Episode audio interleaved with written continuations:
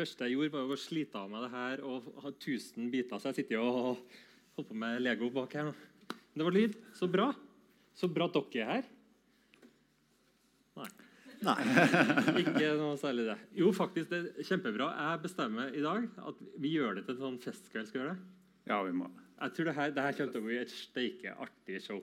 Så flaks for dere at dere kom akkurat i dag. ja. Um, noe som eh, Er det vann? Er det vann da? Det her er vann. det er fest. Ja, Det er flott. festvann. Um, eh, noe som eh, jeg og Svein har kommet opp i flere ganger, som har vært eh, litt pinlig, det er jo det at vi har bare peisa i gang og, og hadde da kjempeartig sammen med publikum. Og så har det kommet folk i pausen og så spurt hvem er dere egentlig. Um, så vi kan jo, kan jo begynne med en liten introduksjon. Svein, Kan du si litt hvem du er, så, vi, så de vet hvem de har møtt? Ja, mitt navn er Svein. Jeg er psykologspesialist. Jeg er rettspsykolog og barnepsykolog. Litt uvanlig kombinasjon. Men til vanlig så jobber jeg med folk som uh, har drept, som har psykose, psykopati. Uh, og det dere så i begynnelsen av disse filmene der om uh, hvordan selv vanlige folk kan bli aggressive, det er jo også viktig å ha med, for at jeg ser jo både dem som på en måte er dømt for grufulle ting, og så ser jeg folk flest som noen ganger gjør veldig rare ting. Eh, og det som jeg ønsker med å være her, er jo nettopp at vi også sammen kan, eh, kan se på igjen hvor merkelige mennesker eh, kan, kan være. Og mens Jonas presenterer seg, kan du få sånn fullscreen på På den. Ja. Skal jeg presentere meg? Nei, Så kan du presentere ja, mens, mens dere får gjøre ja. Ja. Eh, Jonas heter jeg. Eh, Jeg er psykologspesialist i klinisk samfunnspsykologi. Og det handler egentlig om eh, å jobbe med psykologi for grupper og litt eh, større grupper av mennesker. Eh, egentlig planarbeid, men også det å jobbe med forebyggende tiltak. Men det jeg gjør eh, primært for tida, det er at jeg underviser både på NTNU og på det som heter Nord universitet, da, som har blitt så hyggelig omtalt i media, med bare positive saker og tommel opp Ja. eh, for hvordan man eh, håndterer da ulike campus rundt om i landet. Eh, så, så der er det veldig stas å jobbe for tida. Da. Ja. Ja. Herlig. Og jeg har jo vært gjest i eh, programmet ditt. Ja, Ja, ja, det, det sa du ingenting om. Nei, jeg har et uh, Ja, ja, det, det kunne misforstås. Du sa ikke at ja, ja, men du sa ikke så mye om programmet ditt. det var det jeg mente. Ja. eh, Ro, ro, ro. Jeg har en, eh, eh, Sammen med to kollegaer så har jeg en podkast som heter Psykologlunsj. Uh, som er egentlig en uh, podkast om psykologiske fenomen. Eh, normalpsykologi, som det kalles. Da. Egentlig eh, Jeg liker best å snakke om psykologi som omhandler oss alle. Eh, fordi at det sier litt om hvordan vi mennesker er merkelig sammenskrudd. Eh, og at det ikke er så langt mellom eh, dem som eh, fungerer godt, og dem som eh, havner litt utafor. Så, så det er viktig for meg da, viktig for meg å jobbe med. Og så er jeg på radio òg. Rett, Rett, eh, rett før til radiobingoen på eh, Radio Trøndelag. Det, det fant ut her forleden, for jeg er en av de folk som ikke har fått DAB i bilen min. Ja. Så jeg si- hører liksom jeg av valgrammen mellom sånn kommunestyremøte i Klæbu eh, eller da psykologlunsj. da. Ja, sant? Ja. Så kjøp en gammel bil. Hvis Ja. dere har lyst til å høre på podkasten min, så kjøp en gammel bil. Gjerne en Honda kanskje fra Ja. 86. Ja. Eh, hør, hør på FM-radio. Radio Trøndelag. Ja. Ikke sant? Ehm, det gikk, det gikk eh, plutselig opp For vi har jo studert sammen egentlig hele veien Ja. fra 2001. Uh, og nå Jonas jobber som førsteamanuensis på Nord universitet, uh, kommende professor. Uh, jeg hadde jeg, jeg la meg litt seint i går fordi at jeg satt og kikka på kattevideoer på YouTube.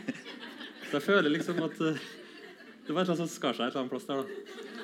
Um, men eh, jeg jobber, Hans Andreas Knutsen heter jeg. Jeg jobber nå eh, i, i Trondheim kommune. Jeg er eh, klinisk samfunnspsykolog, eh, sånn som, eh, som Jonas. Um, ja. Det var mye fint å si. Jeg ble jo litt sånn eh, Pluss at du også har jo din egen eh, podkast. Ja. Apropos. apropos- Jeg har blitt intervjua der òg. Ja, ja, ikke sant? Nei, altså det, er, altså det, er jo, man, det er jo som man sier, at da er du egentlig psykolog hvis du ikke har din egen podkast. Ja. sånn at, uh, så min heter Hodebry.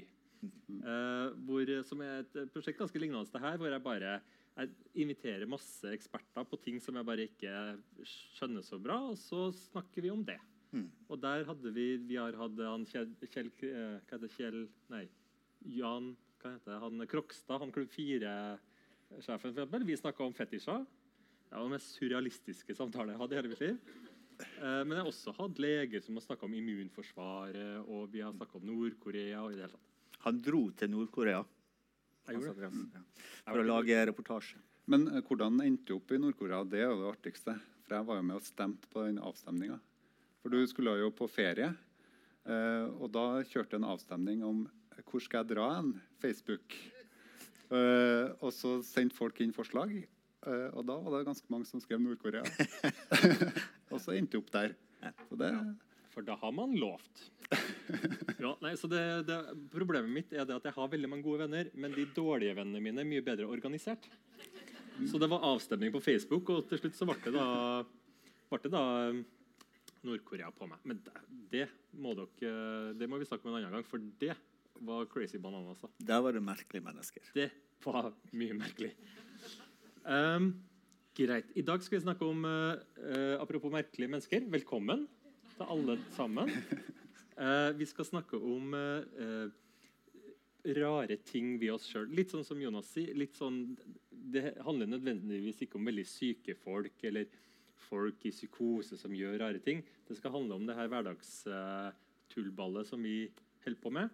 Kanskje er vi bevisste, og kanskje ikke bevisste. Eh, målet vårt i dag, hva er det?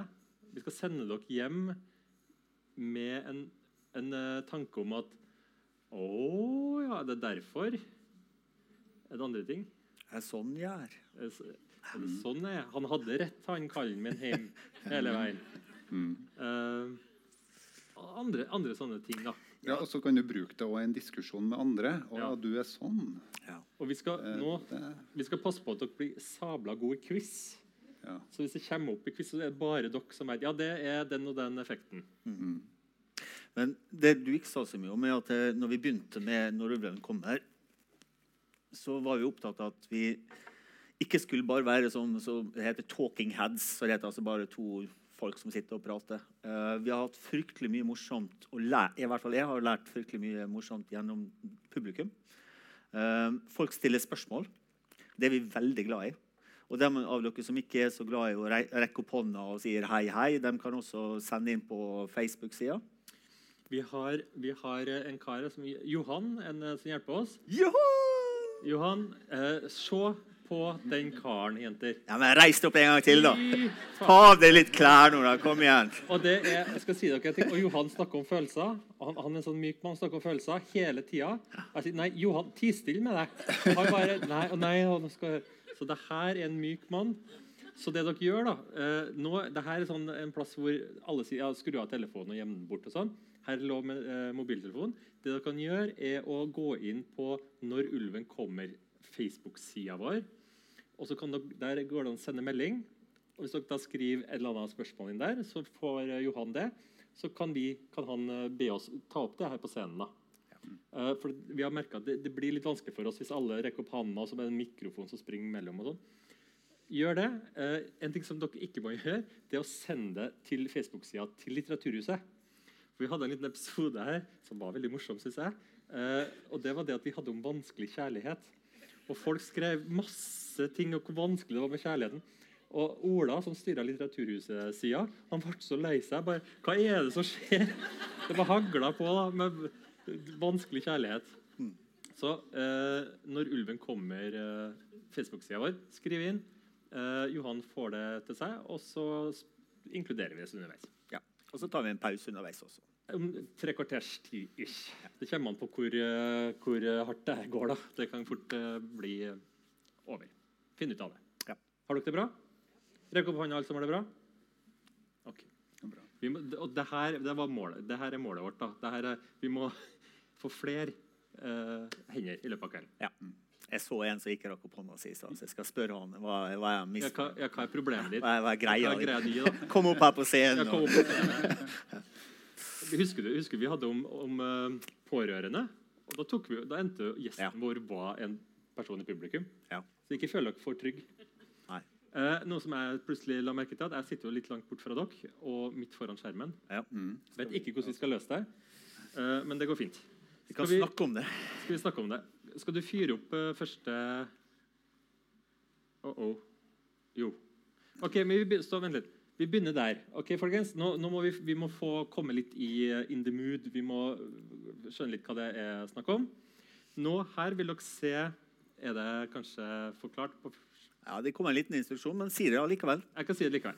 Her er det folk. Det er en ball. Du ser det er en kar med en ball. Og så skal kaste de denne ballen da, seg imellom. Det, blir, det er veldig viktig at nå skal dere øvelsen er at nå skal dere prøve å finne ut hvor mange ganger blir denne ballen kasta. Ser dere ballen? Ser dere ballen? Kan vi vi skru kan- kanskje. Jonas, kanskje du og meg skal flytte oss opp, for vi har folk til venstre, nei, til venstre for oss her. Hør, hun, hun skal vinne. Du, Vekk med bordet. for Jeg, skal, jeg skal kunne se. OK. Vi prøver.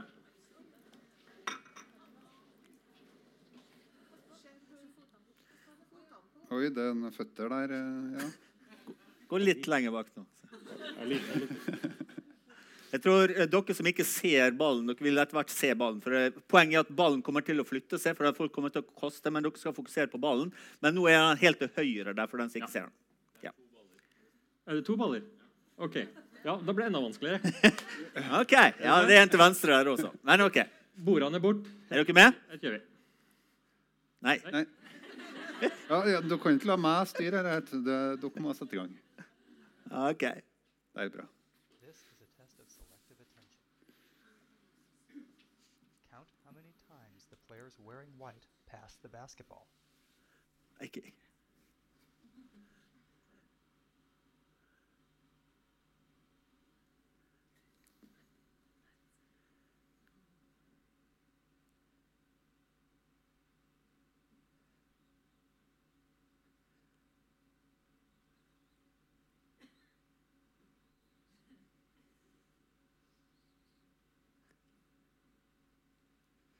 Er dere med?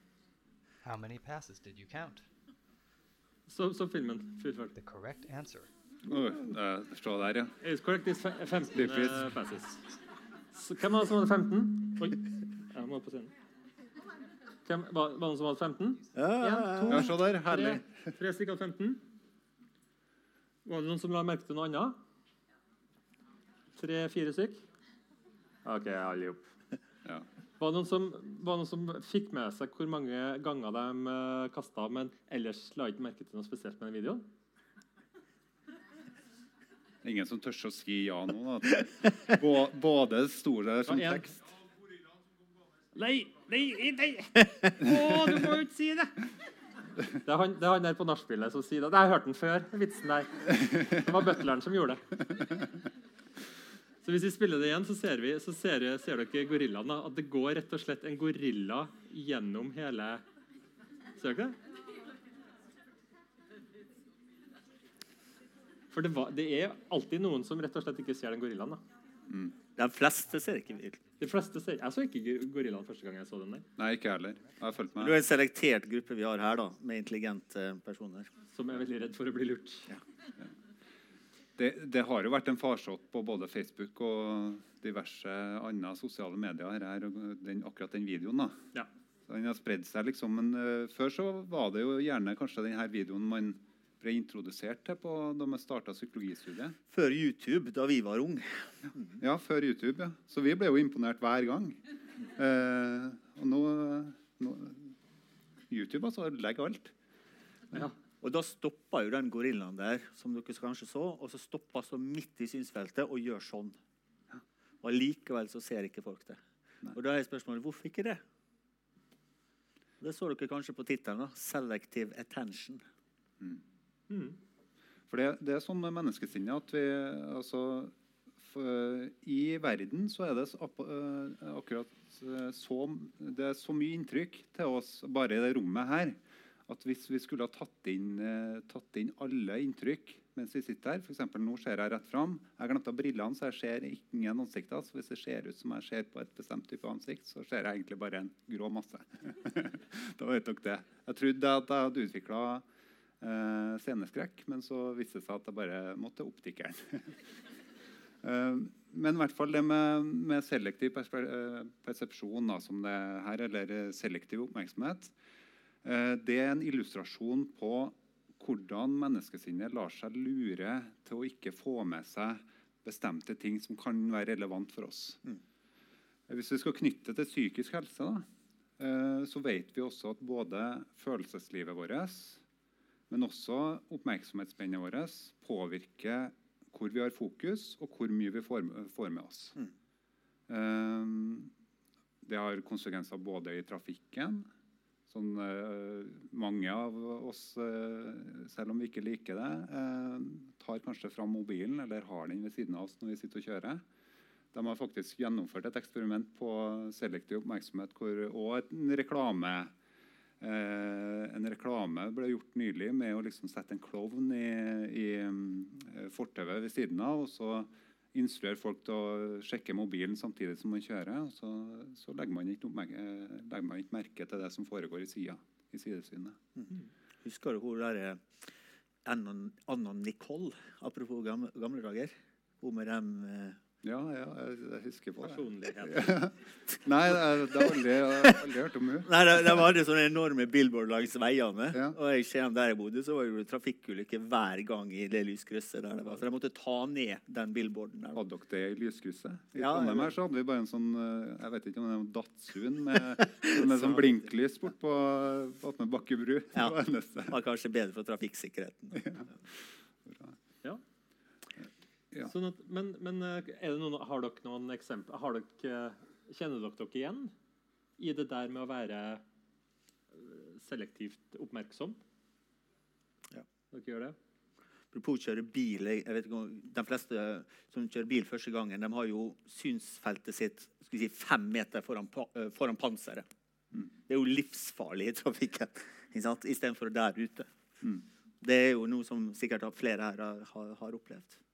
Og Apropos psykisk helse, veldig mange som har angst eller er redd for noe, er jo, leter jo hele tida etter signal for det man er redd for, og ser da kanskje ting som ikke nødvendigvis være redd for, fordi man hele tida har på en måte det fokuset der ute. Smertelidelser, hvis du har fryktelig vondt, så er du bare fokusert på smertene dine. Og hvis du, apropos gamle dager, når man slåss, rett før man skal slåss, så får man såkalt tunnelsyn. Da ser du bare hva som er her, og du kan kjøre forbi trikker og busser ved siden av uten at du legger merke til det. Men det, er det noen som har noen lignende erfaringer på, på, på mer? Det kan, være, det kan være godt, det kan være dårlig. Er det noen som har slåss her? Du ser jo ganske skummel ut. Ja, du kjenner igjen i den der eh, preslåss... Eh. Og, og det samme, det gjelder ikke bare ting som er utafor oss sjøl. Eh, altså, hvis vi bekymrer oss eller har tanker som vekker ubehag hos oss, f.eks. Eh, enn hvis det skjer noe med et familiemedlem. da. Familiemedlem, eh, altså for eksempel, jeg, Nå har jeg to sønner på ti når de skal flytte ut av hjemmet. Og Hvis jeg plutselig får en tanke inn, hvis det skjer noe med dem når de flytter til Bergen eller hvor de flytter, Uh, du kan bli så selektivt oppmerksom på de tankene der at, at verden rundt uh, bare oppleves som bomull eller som en ren tåke. Eller hver gang det skjer noe i Bergen, så tenker du shit, det er Ja, det visst at Bergen er en skummelplass. Og regner det i Bergen, da, det må være forferdelig. For, nei, nei, sorry. Men eh, det, eh, altså, akkurat den samme selektive oppmerksomheten kan vi vende innover. Eh, og skape trøbbel for oss. da. Ikke få med oss ting som skjer rundt oss. Ok, Da har vi den. Selektiv oppmerksomhet. Den kommer på prøven etterpå. Ja. Ja. Supert. Skal vi se, Har vi noe annet spennende?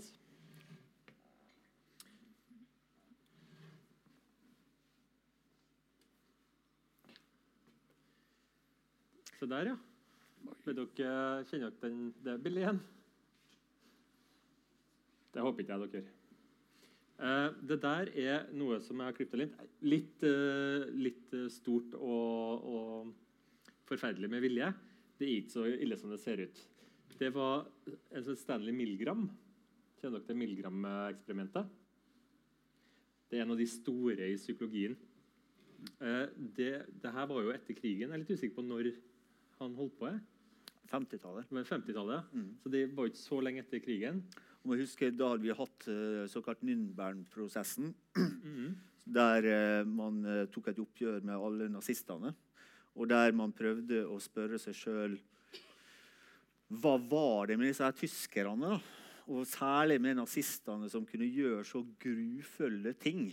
Og så hadde man en tanke om at den hadde sikkert noe med den tyske kulturen At den var lett å lede, at, eller det var, at Hitler var en spesielt karismatisk fyr som fikk folk til å gjøre grusomme ting selv om de selv var snille. Uh, så det var veldig mye filosofering rundt, rundt det. Eh, og så begynte jo Milgram da, å forske på vanlige folk. Og se hva de kunne finne på av dævelskap. Så det han gjorde, han inviterte som sier, vanlige folk. Og det var lærere, og det var foreldre, og det var studenter. Det var masse forskjellige bakgrunner som kom inn til et, et eh, studie som han presenterte som et sånt læringsstudie. Nå skal vi lære. Eh, vi skal se om vi kan finne nye måter å lære på på en bedre måte. Så det de gjorde, Hvis dere fulgte med på den videoen eh, innledningsvis, så hadde den en sånn svær boks hvor det sto 'Volt'. Så du kunne flippe sånn brytere med forskjellig eh, styrke volt. Da. Og så var det, gjorde det etter hvert mange forskjellige sånn, varianter av det her. Men eh, i utgangspunktet så handla det om at det var én person som skulle lære en annen person en sånn remse med ord. Eple, bil, banan eh, Et eller annet. ikke sant? Og så skulle han gjenta det, og så ble det lengre og lengre sånne setninger. Eh, det som var spesielt her, da, var jo det at den personen som skulle lære, var jo på en måte skuespiller. Han til høyre. med andre ord.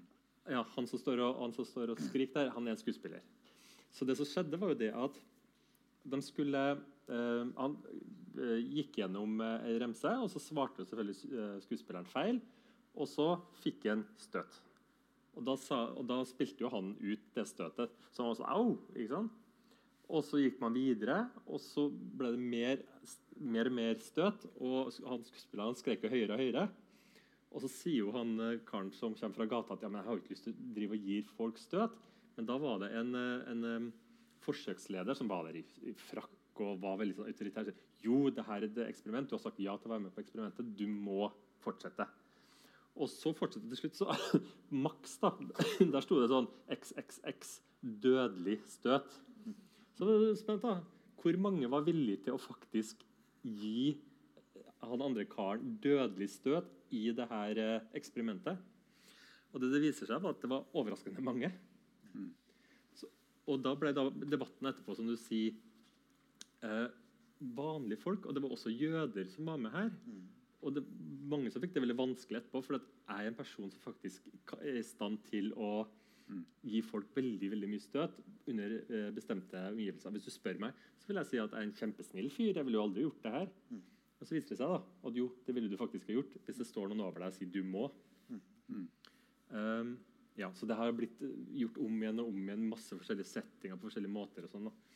Uh, og de finner det at vi er veldig tro mot autoriteter. da. Tro mot autoriteter og konforme. For Hvis du da hadde sett andre som har gjort det før, så var det lettere å gjøre det fordi du har sett noen andre har gjort det. Og, og igjen, så Det som er også interessant, synes nå er da, det er i hvert fall også å se hva folk sier de skal gjøre. For eksempel, jeg ville aldri finne på å gjort annet enn mennesket noe vondt.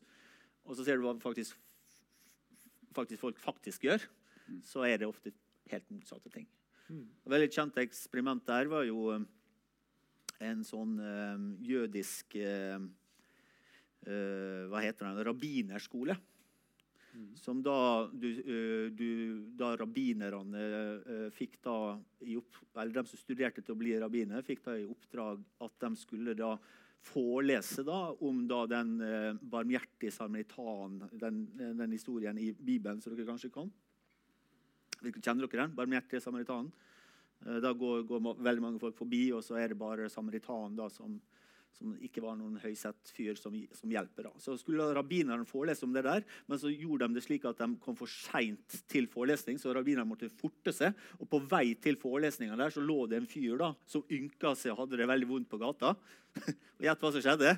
Jeg gikk forbi. For jeg måtte jo rekke forelesninga for å forelese om den eh, barmhjertige samaritanen.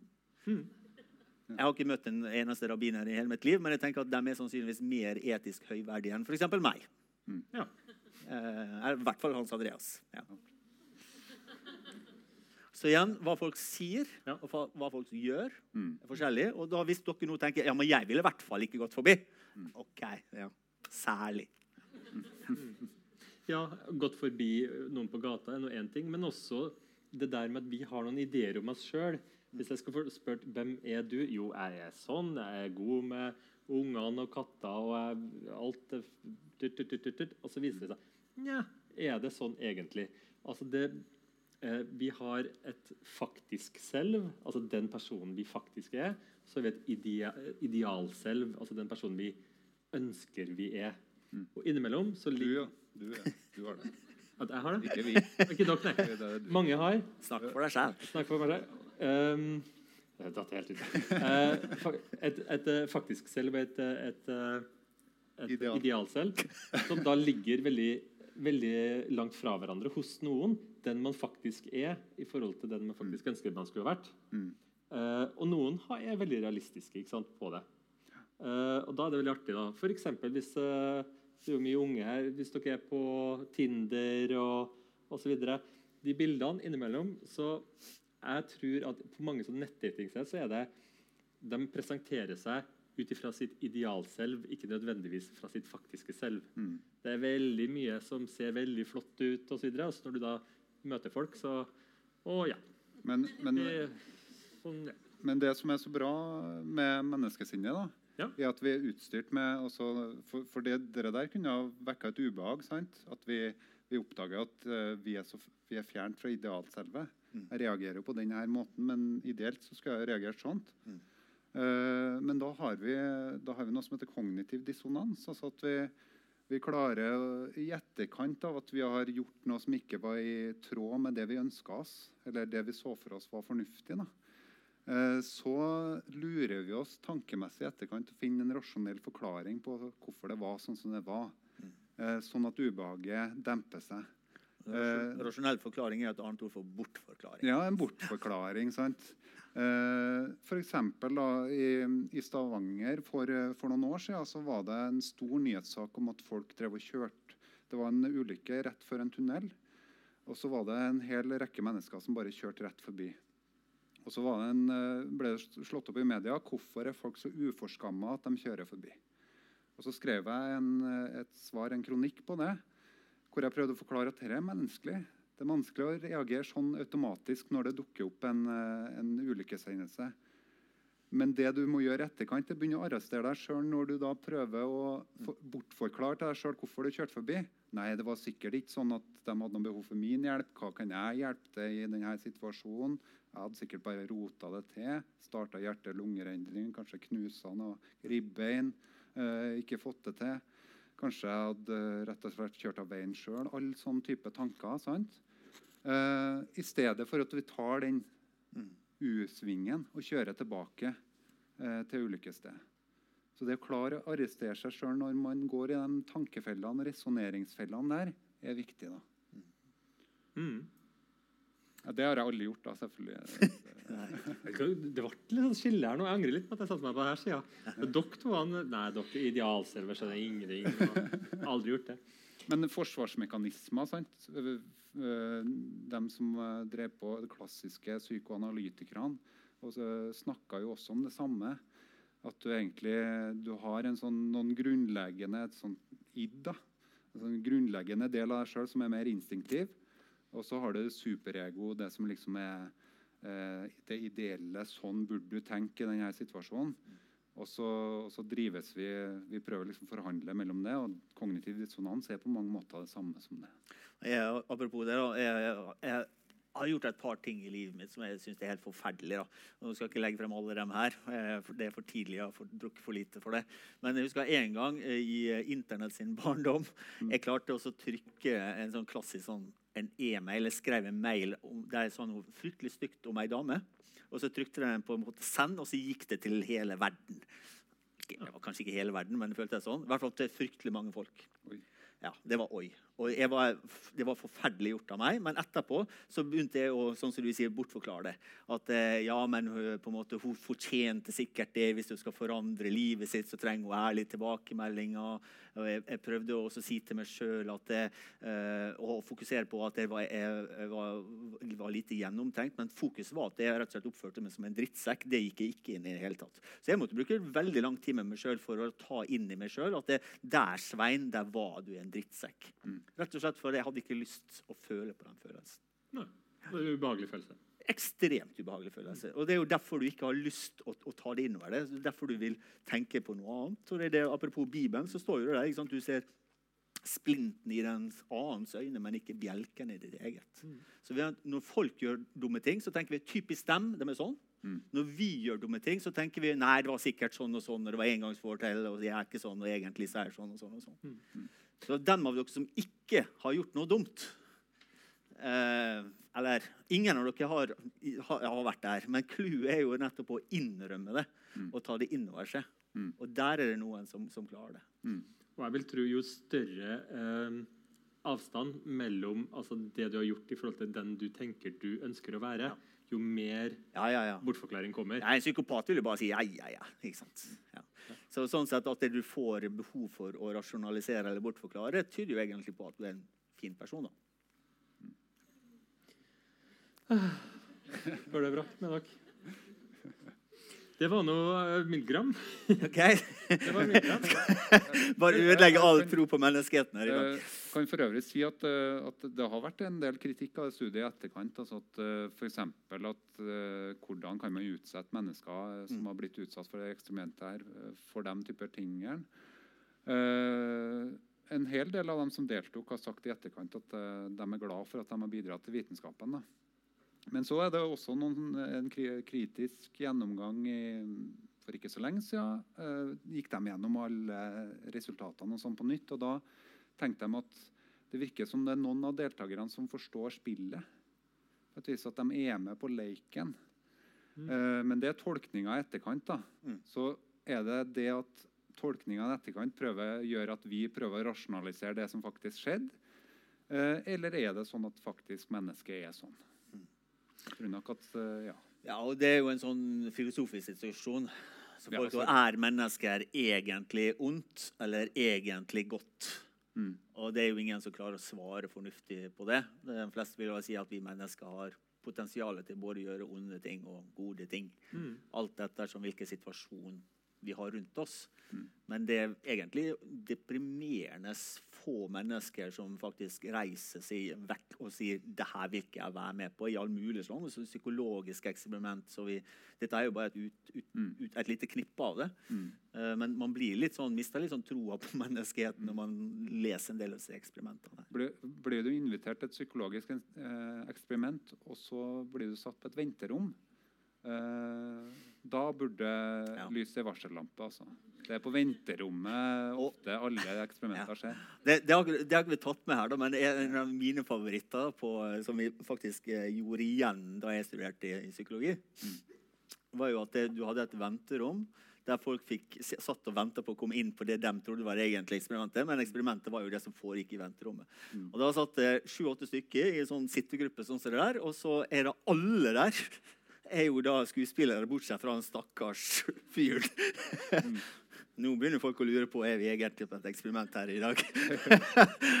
så begynner den ene da, å ta av seg genseren. ikke sant? Så tar den andre av seg genseren. ikke sant? Så han stakkars sånn, han fyren han tar jo av seg genseren, og så tar man en, og til slutt så tar de av seg så de bare sitter i underbuksa. Og, han og jeg tror det var 60% der var med på å ta seg helt kliss naken på et venterom. Ja. Sånne eksperiment har vi for lite av. spør du meg. Og det er konformitet. Det viser hvor langt du er villig til å gå fordi du tør ikke å si, si, si nei. da. Og dette her var riktignok på en tid eh, i dag så ville vel folk vært redd for det for å bli knipsa med. Men dette her var jo så på 50- og 60-tallet. Ja, og og i dag eh, er man jo redd for at eh, altså, det at mennesket er så sosialt tilpasningsdyktig, da, kan man si, men også i den andre enden lar seg så lett eh, påvirke til å gjøre bestemte typer handlinger. Eh, eh, med sos dagens sosiale medier og, og spredning av informasjon om for, hvordan folk er og hvordan sosiale grupper fungerer, er det da en større fare for at at det, vi blir enda mer konform, da. Enda mer lik på tvers av alle, alle ulike lag. Flotters. Bra. Men, men uh, nå, har vi kommet, nå har vi kommet to slides inn, uh, og vi har brukt 40 minutter. Ja. Sånn at, eh, er det noe, Har du noe mer å by på, Svein? På Eh, nå jeg føler det et konformitetspress her nå, altså. Ja, Ja, vi får ok. Men hvorfor, hvorfor er ikke PC-en eller Hvorfor er ikke Mac-en opp med deg, egentlig? For jeg skjønner ikke Mac. Det er, ok, du skjønner ikke Mac. Men det gjør ikke Svein heller, da. åpenbart. Så vi har uh, spot Kan ikke du si noe fort om den der, Ja. Jonas? Dette er et fantastisk eksperiment som er, som, hvor man prøvde å, å vise at mennesker Siden vi forstår verden ut fra våre øyne, så er vi også tilbøyelige til, å ha, eller ha en tanke om at vi er mye mer i sentrum enn resten. Eh, siden, siden vi er her, så, siden jeg er her, så tenker jeg at jeg er mye mer i sentrum enn De hovedpersonene i filmen. ja, men uh, nå er det dårlig eksempel, for nå sitter jeg på en scene. da, Og dere ser på meg. Men sånn, hvis jeg hadde sittet ute i salen, uh, så er det den effekten man ville ha undersøkt. da. Og gjerne om hvorvidt man blir observert på bestemte typer egenskaper av seg sjøl. Hypotesen var at, eh, at folk, uh, hvis man har noen egenskaper ved seg sjøl, eller ting som er ved seg sjøl som man ikke er så glad i, så er man tilbøyelig til å tro at alle andre legger merke til det. Og I det eksperimentet så øh, det er akkurat samme som øh, her. Når dere sitter her, så skulle vi før showet i dag så skal vi utstyrt en av dere med ei skjorte av Pablo Escobar. Eh, det gjorde de i det eksperimentet. De også tok eh, et annet eksperiment så tok de eh, T-skjorte med Barry Mani- Manilow. Men eh, i siste så var Pablo Escobar. da. Og da eh, de, eh, sendte de vedkommende inn i en sånn sal som det her. Eh, og så fikk vedkommende i oppgave etterpå å si hvor mange tror du la merke til at eh, du hadde på deg den skjorta. Og Da vil man omtrent si ja, rundt halvparten, kanskje litt over halvparten, ser at jeg har på meg Pablo Escobar-skjorta. Men hvis jeg hadde intervjua alle dere som sitter her, hvor mange, er det som, eh, hvor mange tror, har faktisk fått med seg at man har på seg den skjorta? Relativt få. Rundt eh, 19 stykker av 100, kanskje. Ikke så veldig mange. Eh, og det kalles spotlight-effekten. Altså tanken vår om at hele verden vi, I den verden vi beveger oss i, så er, det, så er folk oppmerksomme på gjerne de negative trekkene ved oss sjøl. Jeg har gjort det på et annet show. Så fortalte om det eksperimentet jeg brukte å gjøre da jeg hadde privatpraksis på Sirkus Shopping. Sirkuspsykolog, burde jeg kalle meg. Eh, da hadde vi folk med, med panikkangst, og de var veldig redd for at de skulle få panikkangst. Og de var redd for at folk skulle se at de fikk panikkangst, og derfor så turte de ikke å gå ut blant folk. Og så uh, satt de på trappa. Har dere vært på sirkusshopping? Sånn, noe som heter for helse... eh, det, ja, hva heter det der oppe? Jeg savner det. Det er trapp. Du, det er du som har jobba. Ja.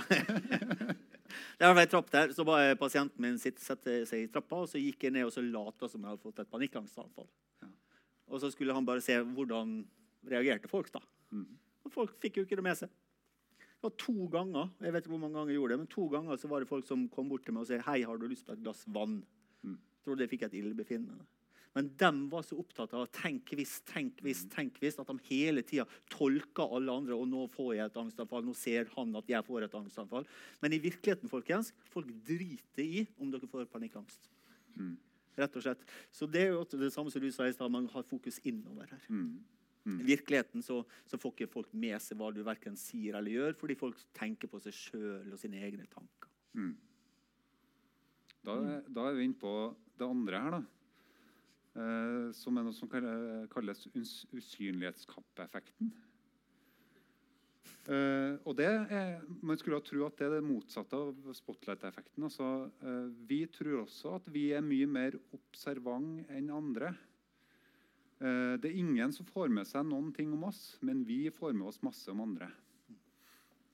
Men det som skiller usynlighetskappeeffekten fra den spotlight-effekten, er at det er gjerne de positive egenskapene eller de egenskapene ved oss sjøl som vi ikke eh, har et følelsesmessig altså Som trigger noen negative følelser eller noe sånt rundt. Eh, så vi har, en, vi har en tanke om at vi er mye mer sånn eh, en, Alle dere som sitter ute her, vi har fått med oss, jeg har fått med meg dem som sitter på raden foran, og hvordan de er. og liksom klassifisert. og liksom, Nå er jeg ved på psykologishow, og da, da er jeg ekstra observant. De andre er ikke så observante som meg. Kan man ha en tendens til å tenke, da. Mm. men eh, her eh, gjorde de også et ganske interessant eksperiment. Man satt, eh, da, det her gjorde man på venterommet, da, selvfølgelig. Eh, og så spurte man hvor mye tror du at de andre fikk med seg om deg.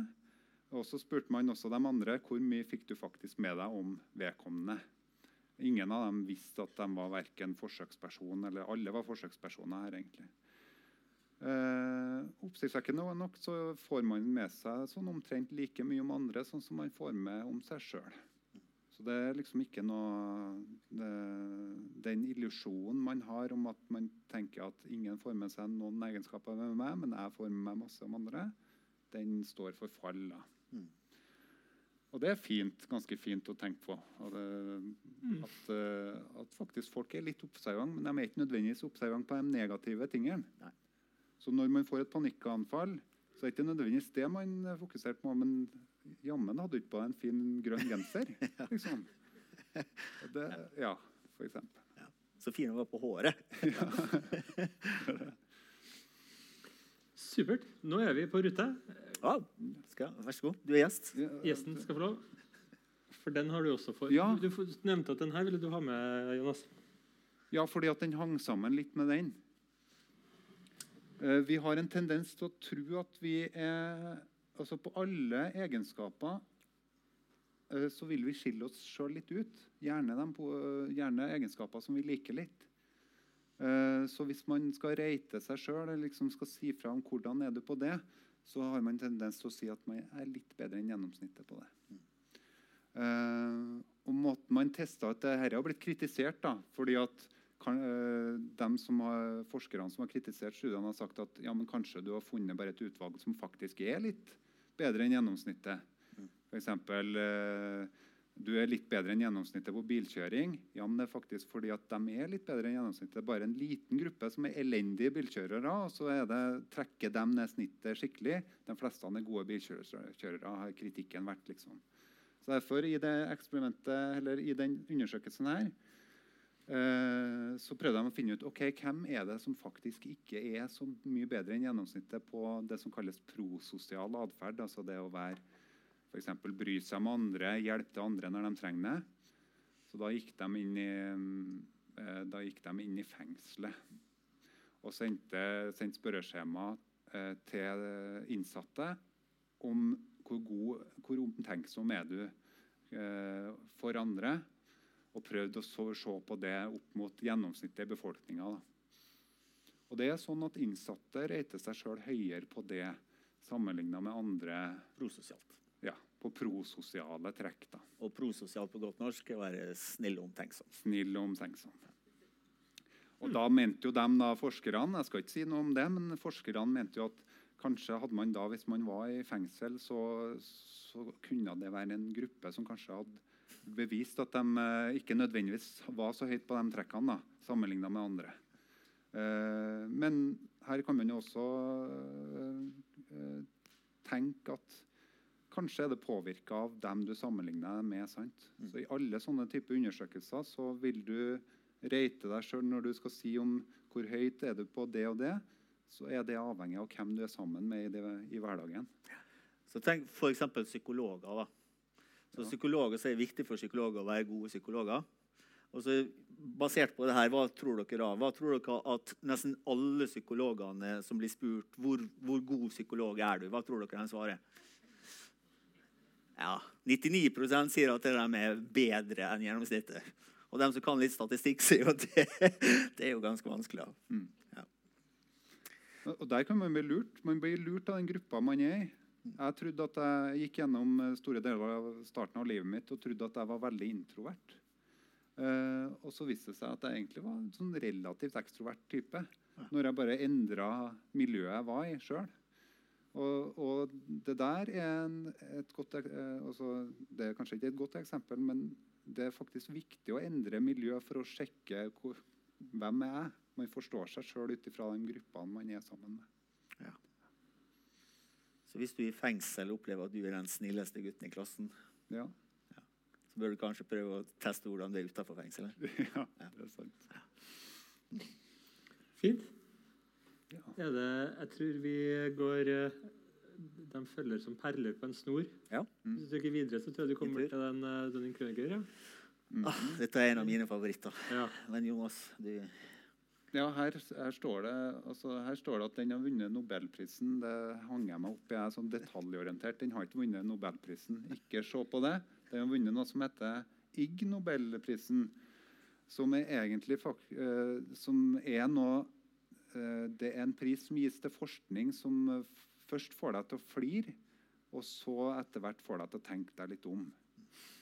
Uh, Det, det er så gærne prisen jeg skal ha, da. ja, det er sånn fantastisk. Nobel, skit i det. Jeg vil ha sånn her. Ja, jeg òg prøver å søke etter det. da. Prøve å finne liksom, områder kan jeg kan forske for å få tak i. Jeg har ikke fått det til ennå. Nei, jeg blir med.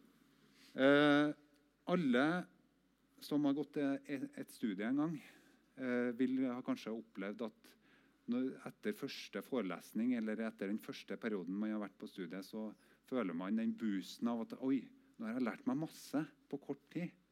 F.eks. etter eh, Nå skal jeg ikke si etter i dag, men etter noen andre eh, Når ulven kommer-podkaster, så har dere kanskje lært masse. Sant?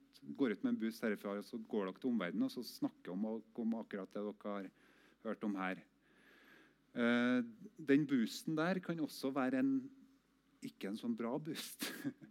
Den kan eh, få oss til å ende opp på det som kalles altså den, her piken av tillit til at hvor mye man vet, eller, eh, eller trygghet på tanke om hvor mye man vet om et felt. Da. Det kalles også for Mount Stupid. Altså, altså at uh, mennesker, når de blir introdusert til noe, så blir man så oppslukt av det, og så begynner man å fortelle omverdenen hvor mye man kan om det feltet. Da kan man ende opp med at man blir så trygg på dette kan jeg masse om, og så havner man på Mount Stupid. Og Hvis man da ikke får mer introduksjon inn til feltet, men man bare tenker at «Oi, jeg er en mester på akkurat dette her, man prøver ikke å søke ny kunnskap, så havner man aldri i den Valley of Despair, som det kalles her. Altså den eh, opplevelsen av at oi, det her feltet er så stort at jeg får ut eh, her, kan, her kan jeg jo ingenting om. Eh, jeg underviser sykepleierstudenter. Og de sykepleierstudentene, når jeg underviser i psykisk helse til dem, eh, så er det veldig mange som eh, kjenner seg igjen at du havner på Mount Stupid.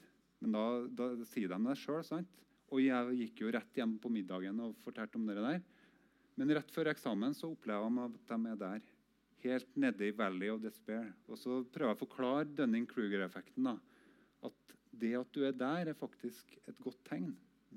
Du tror ikke du kan noe om det her feltet fordi at det er så stort. Det er et godt tegn. Da har du kommet mye lenger enn det du var i utgangspunktet. Mm. Og her kan vi lures på jobb, vi kan lures i alle sammenhenger, fordi at de som er på Mount Stupid, kan også være veldig gode til å prate for seg. Også å tråkke nedpå dem som er i Valley of Despair. da.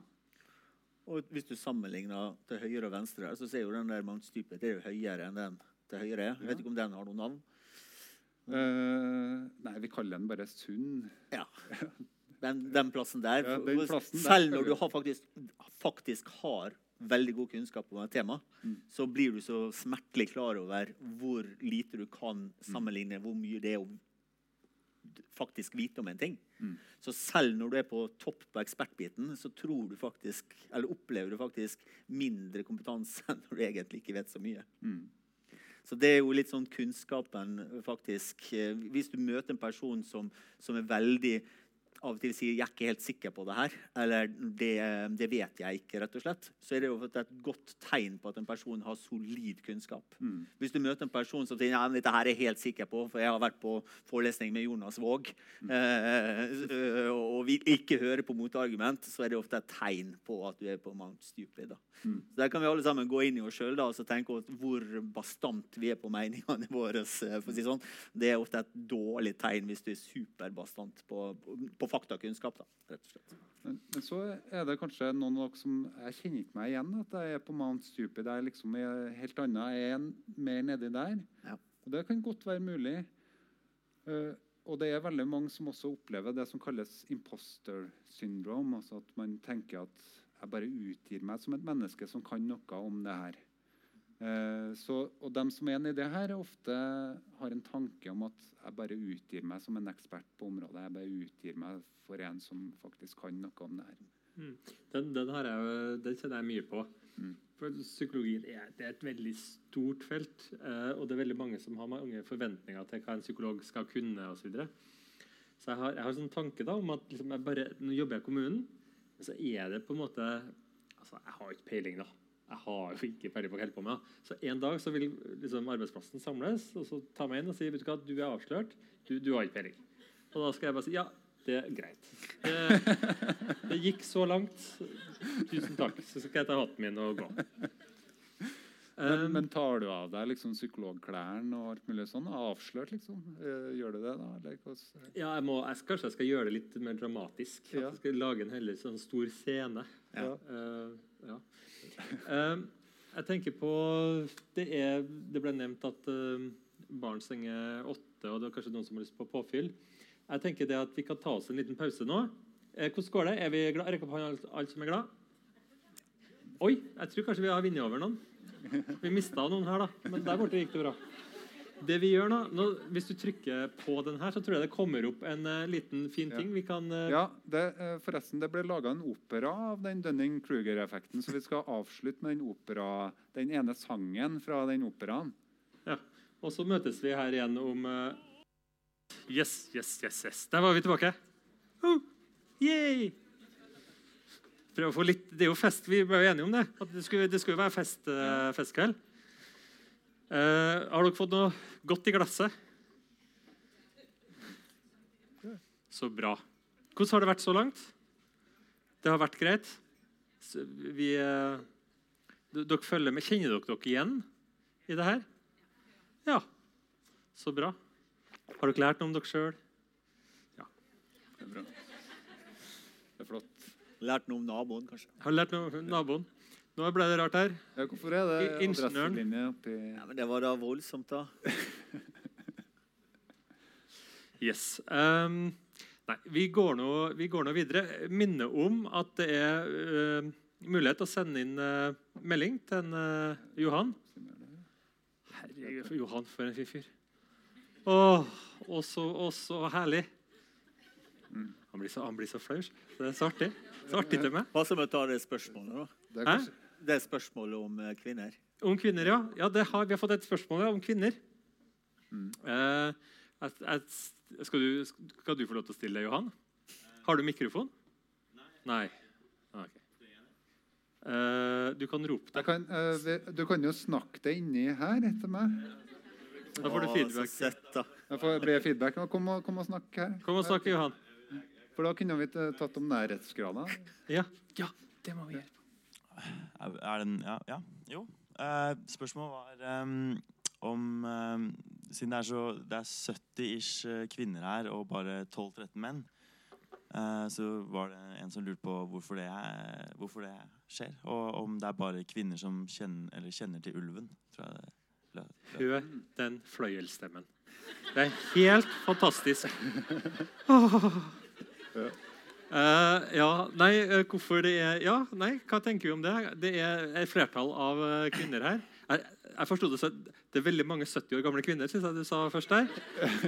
Uh, men, uh, men jeg forsto det sånn at det, var, det er 70, 70, 70 damer, omtrent. Yes. Hva tenker vi om det? Skal vi ta den først? Nei, for å være litt sånn, bare for å mobbe Johan litt mer, da. Jeg kom her av å se Johan. da. Det er jo Johan. Hadde det vært en kvinne, vet du, så hadde dette vært totalt sånn metoo. Det er metoo, ja. Går det bra, Johan? Blir du me- me- metoo? Ja, nei. Ja, vi må passe på det. her. Nei, Jeg har jo lyst til å stille spørsmålet tilbake, for vi har jo virkelig prøvd å få tak i flere menn. da. Ja.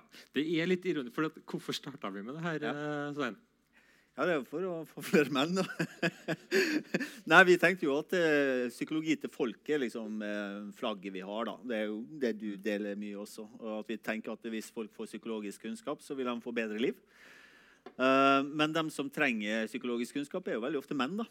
Så vi hadde jo en tanke om at da vil vi jo treffe dem som ellers ikke kommer på, på Litteraturhuset. Mm. Eh, og så har vi ikke fått til det. da. Eh, Så svaret på hvorfor er det slik at det er 70% kommer, er jo fordi at det Hans Andreas og Svein ikke har klart å få fått til det de hadde tenkt. Men, men jeg, har, eh, jeg har kanskje løsningen på det. Det var- Det det var bare sånn, Nå kom jeg på det. I helga så var jeg på en debatt på et ølbryggeri. Mhm. Eh, og Ah. der var det 70 menn. Ja. Eh, og veldig få kvinner. da. Det, og, det, og det faktum. Det handler om men- menns helse. Så kanskje Men eh, kanskje skal vi få inn noen øltanker her på biblioteket? Men Jeg bare får så, så kule bilder i hodet. liksom hvordan det er der. Så sitter dere der, da, litt, sånn, det er litt, sånn, litt mørkt i lokalet, og Jonas kommer inn. 'Ja, psykisk helse, folkens.' Og bare Ja, uff, ja nei. au». Ja, det var, Og så, og så drikker vi litt til, da. Og så, ja, det det var litt sånn. Det var sånn eh, og så vi, vi gjorde opp fisk og Ja. alt mulig. samtidig. Slåss litt. Ja. Hvor mange torsktunger har du liksom fått på den? eh? ja. Ja, det var sånn. Nei, vi, hadde, vi har jo tenkt det. Jeg snakka om Fuck it, vi drar jo til Fosen. Ja. Og så bare kaster vi oss på noe sånn sånn eh, rånertreff der. Og så bare ser vi hva som skjer. Ja. Det kan umulig gå galt. Nei, vi har vært inne på det, og sammen med Vikinghallen under sånn eh, Ja. Hva heter det, gamingfestival. Skulle du si. Ja. Ja, Eh, Så det kommer, det. Men spørsmålet er om dere kommer. Ja. Men helt seriøst, hvis det er noen, altså det var et veldig godt spørsmål, men er det noen som har noen svar? Vi er jo psykologer. Hva, hva, hva syns du selv, da? Er det noen som har noen ideer, så tar vi gjerne imot det. Både nå og seinere. for vi tenker jo det at eh, det beste er jo om man kommer både menn og kvinner. Mm. Og særlig da eh, hvis man kjenner noen. Dra, dra med en mann, for å si det sånn. Eh, Johan, du har eh, mikrofonen i hånda. Og så så jeg, så jeg det var en hånd oppi været bak deg. Kanskje vi, vi kan jo spørre? Kan du gå på, rundt oss her? Husk den spotlight-effekten nå. Nå ser jeg bare folk på håret ditt. Uh, hører alle meg? Ja. Ja. Nå når jeg er jente sjøl, jeg kan jo ikke si hvordan gutta tenker, da. Men Bra, bra start. Ja. men, men jeg tror det handler litt om sånn holdningen man kanskje har, og at gutter skal være så tøffe og ikke snakke om følelser. Mm. Um, at det kanskje er derfor at de ikke kommer. Mm. Uh, og at kanskje altså, sjargongen eller kulturen i jentegjengen kontra guttegjengen er litt forskjellig. Men det er jo litt dumt, da, fordi vi alle har jo en psykisk helse. Mm. Men jeg har et tips, kanskje. Ja. Ja. Oi, sorry at jeg babler skikkelig mye. Men eh, eh, prøv å kanskje kontakte noen jeg vet ikke, noen unge gutter. For det er viktig at man, det, alle, det eldre og gamle, nei, eldre og unge er jo viktig, men få med de unge og kanskje sosiale, reklamere på sosiale medier. Og, Sosiale medier, hva er det for noe? Mm. Okay. Ja. ja. Vi har jo hva du mener, vi har jo Johan. Han er jo et trekkplaster. Nei, jo, vi er på Facebook og vi prøver oss på sosiale medier. Men det er kjempe, kjempebra tips. Altså, Vær litt mer på de, de arenaene de er, og prøve å få med de unge. Mm. Jeg har jo lyst til å ha, de, jeg har lyst til å ha alle. Ja. Ha de gamle. Ja, helt enig. Ja, I en men samla flokk. Tusen takk. Grunnen til at vi kan bruke tid på det her, er for det her òg er et, et, et merkelig menneskelig fenomen. Eh, Det der med kjønnsforskjeller, f.eks., Mm. tenker jeg er veldig spennende. da. Og spesielt i forhold til det her med psykisk helse. Ja. Vi skal være, jeg har hatt eh, mye kompiser som har vært super, supermenn. Men det er en eh, liten øl litt seint på kvelden, så da, men det går jo ikke så bra. og Det er nå alle andre som er dumme, da, men uh, hør nå her.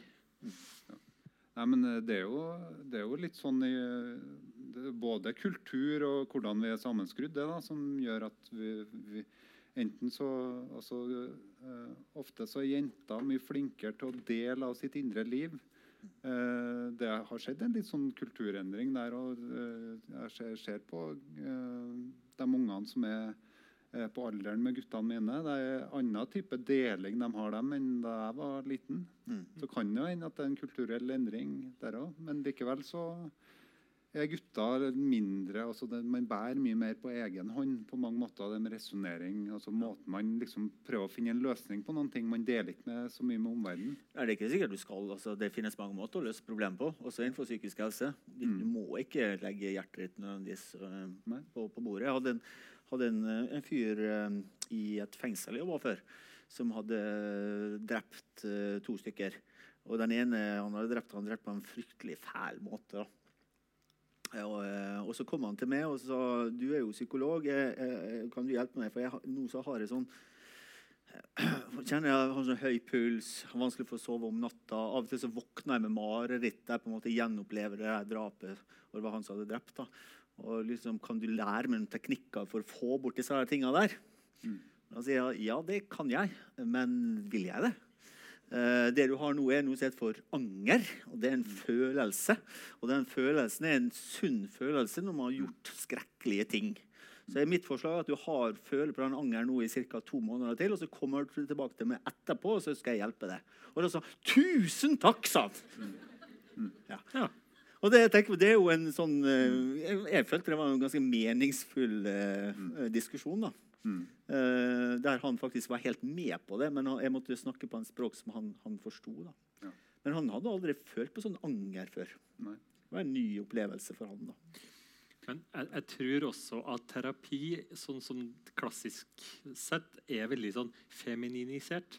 Altså sånn, det er en måte, det er det, her, det lukka rommet, det er den poliklinisk. Altså vi har en idé om at psykolog sitter på et rom eh, og med et lite bord imellom, og så skal du sette på andre sida. Sånne, sånne tørkepapir. ja, tør, med tørkepapir, og så skal vi se hverandre inn i øynene når vi snakker om ting som er vondt. For det er det kanskje, altså, Noen menn kan være litt unnvikende på den formen. da. Så jeg tenker det at det er litt opp til oss psykologer nå. At det er ikke det at vi skal være hardere på å dra dem inn her og få dem til å høre på oss. Kanskje vi skal tilpasse oss dem og gi dem eh, hjelp og behandling på en måte som de faktisk klarer å ta imot. Mm. Fint. Jonas, kan du hjelpe eh, Svein med Internett? jeg, jeg, jeg tror eh, altså, Du kan ha fullskjermvisning her, kan du da? Hva med å bare at så lenge det funker? Eh, men nå har jeg glemt av brillene, så hvor er det? Da, Nei, nei. Johan, nå må du jeg tror, tror, jeg Der, vet du. Der. Nei, Nei, det er klart det. Ja, ja. Folkens, ja, ja. fuck it, la det stå. Ja. Ja. Eh, skal vi gå videre på, på planen vår? Men jeg synes det var bra spørsmål. Send inn spørsmål til Johan. Vi Men- tar det opp fortløpende. Men, eh, men eh, det er viktig å si altså, det er flere veier til, til god psykisk helse, eller det å kjenne seg igjen i ting. Så, eh, Hansi, eller Hans Andreas holder jo på med bl.a. standup. Og det er kanskje ja, men, og det er kanskje en arena Ja. Det, talt. ja, men det er en arena hvor, eh, hvor man kan snakke om eh, ting som knoter seg til, ting som kan være litt ubehagelig. Hvor man i fellesskap har muligheten til å kjenne seg igjen i fellesskap. Og det at det vekker latter, og at flere flirer, det, det har en sånn effekt på gruppa. Da. Hver enkeltperson gjennom å høre at andre folk flirer om det samme som jeg kjenner meg igjen i her, som jeg også flirer av, eh, så er det med på å legitimere, liksom understøtte tanken om at å, jeg er ikke så annerledes enn andre.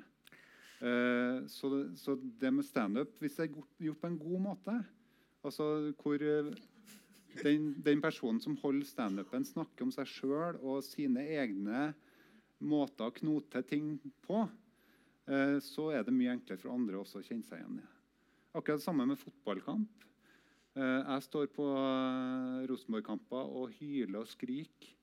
Veldig lite psykologaktig på, på det. Mens ungene mine står sjokkskada og kikker på meg mens jeg gjør det.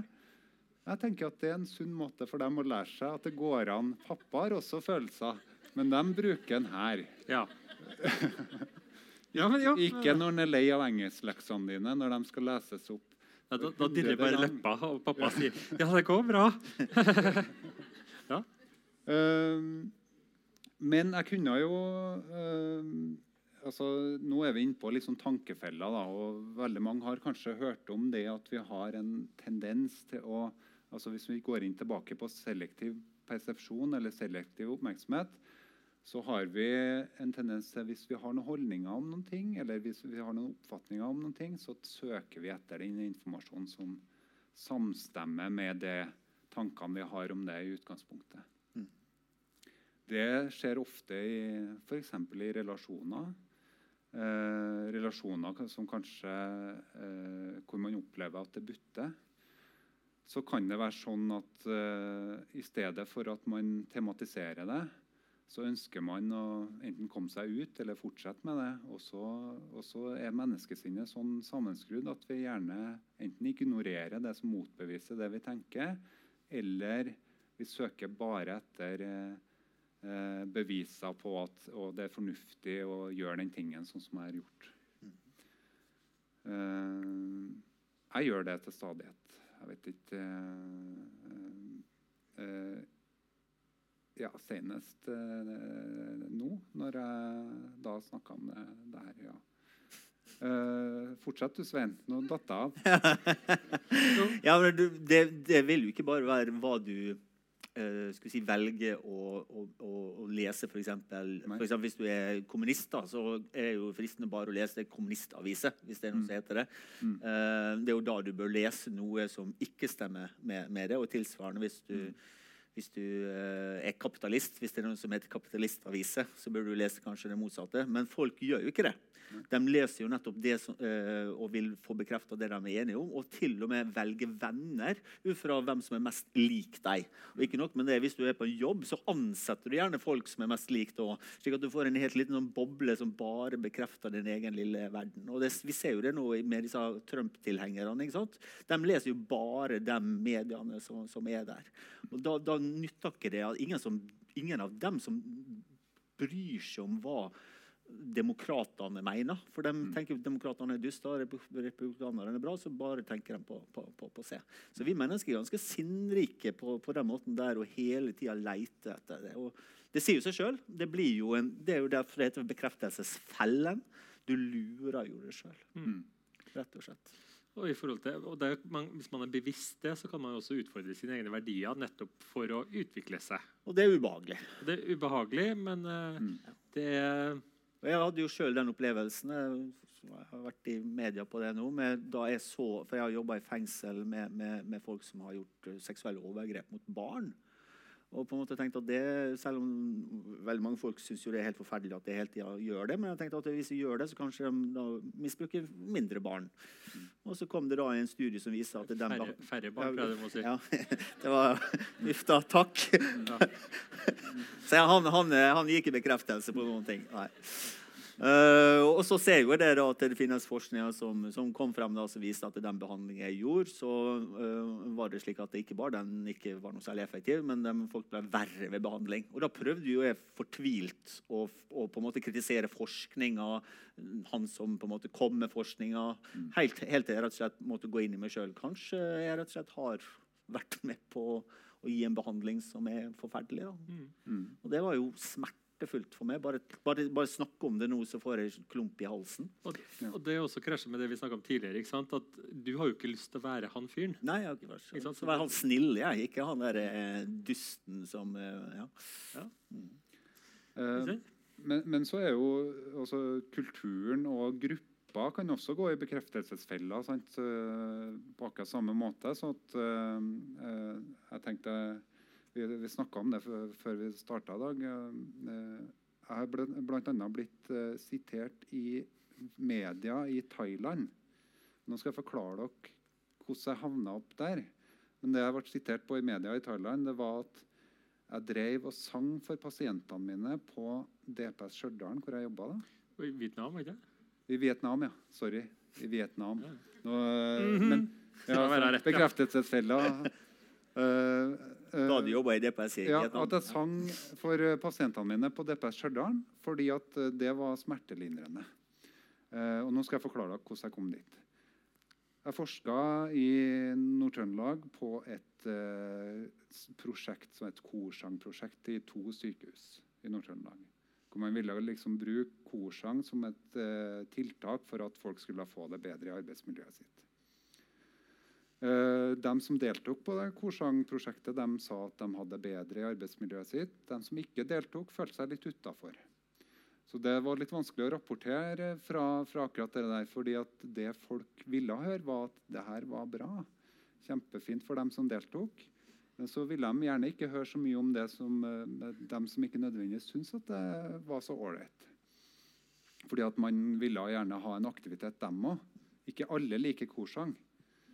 Ehm, og da når NRK ringte, så, så sa jeg det at ja, det, det er i hvert fall ikke skadelig å delta på korsang, sa jeg. jeg turte ikke å si noe mer, for å designe, eller i hvert fall som forsker så er jeg sånn litt redd for å, bli, at, for å trå feil. da.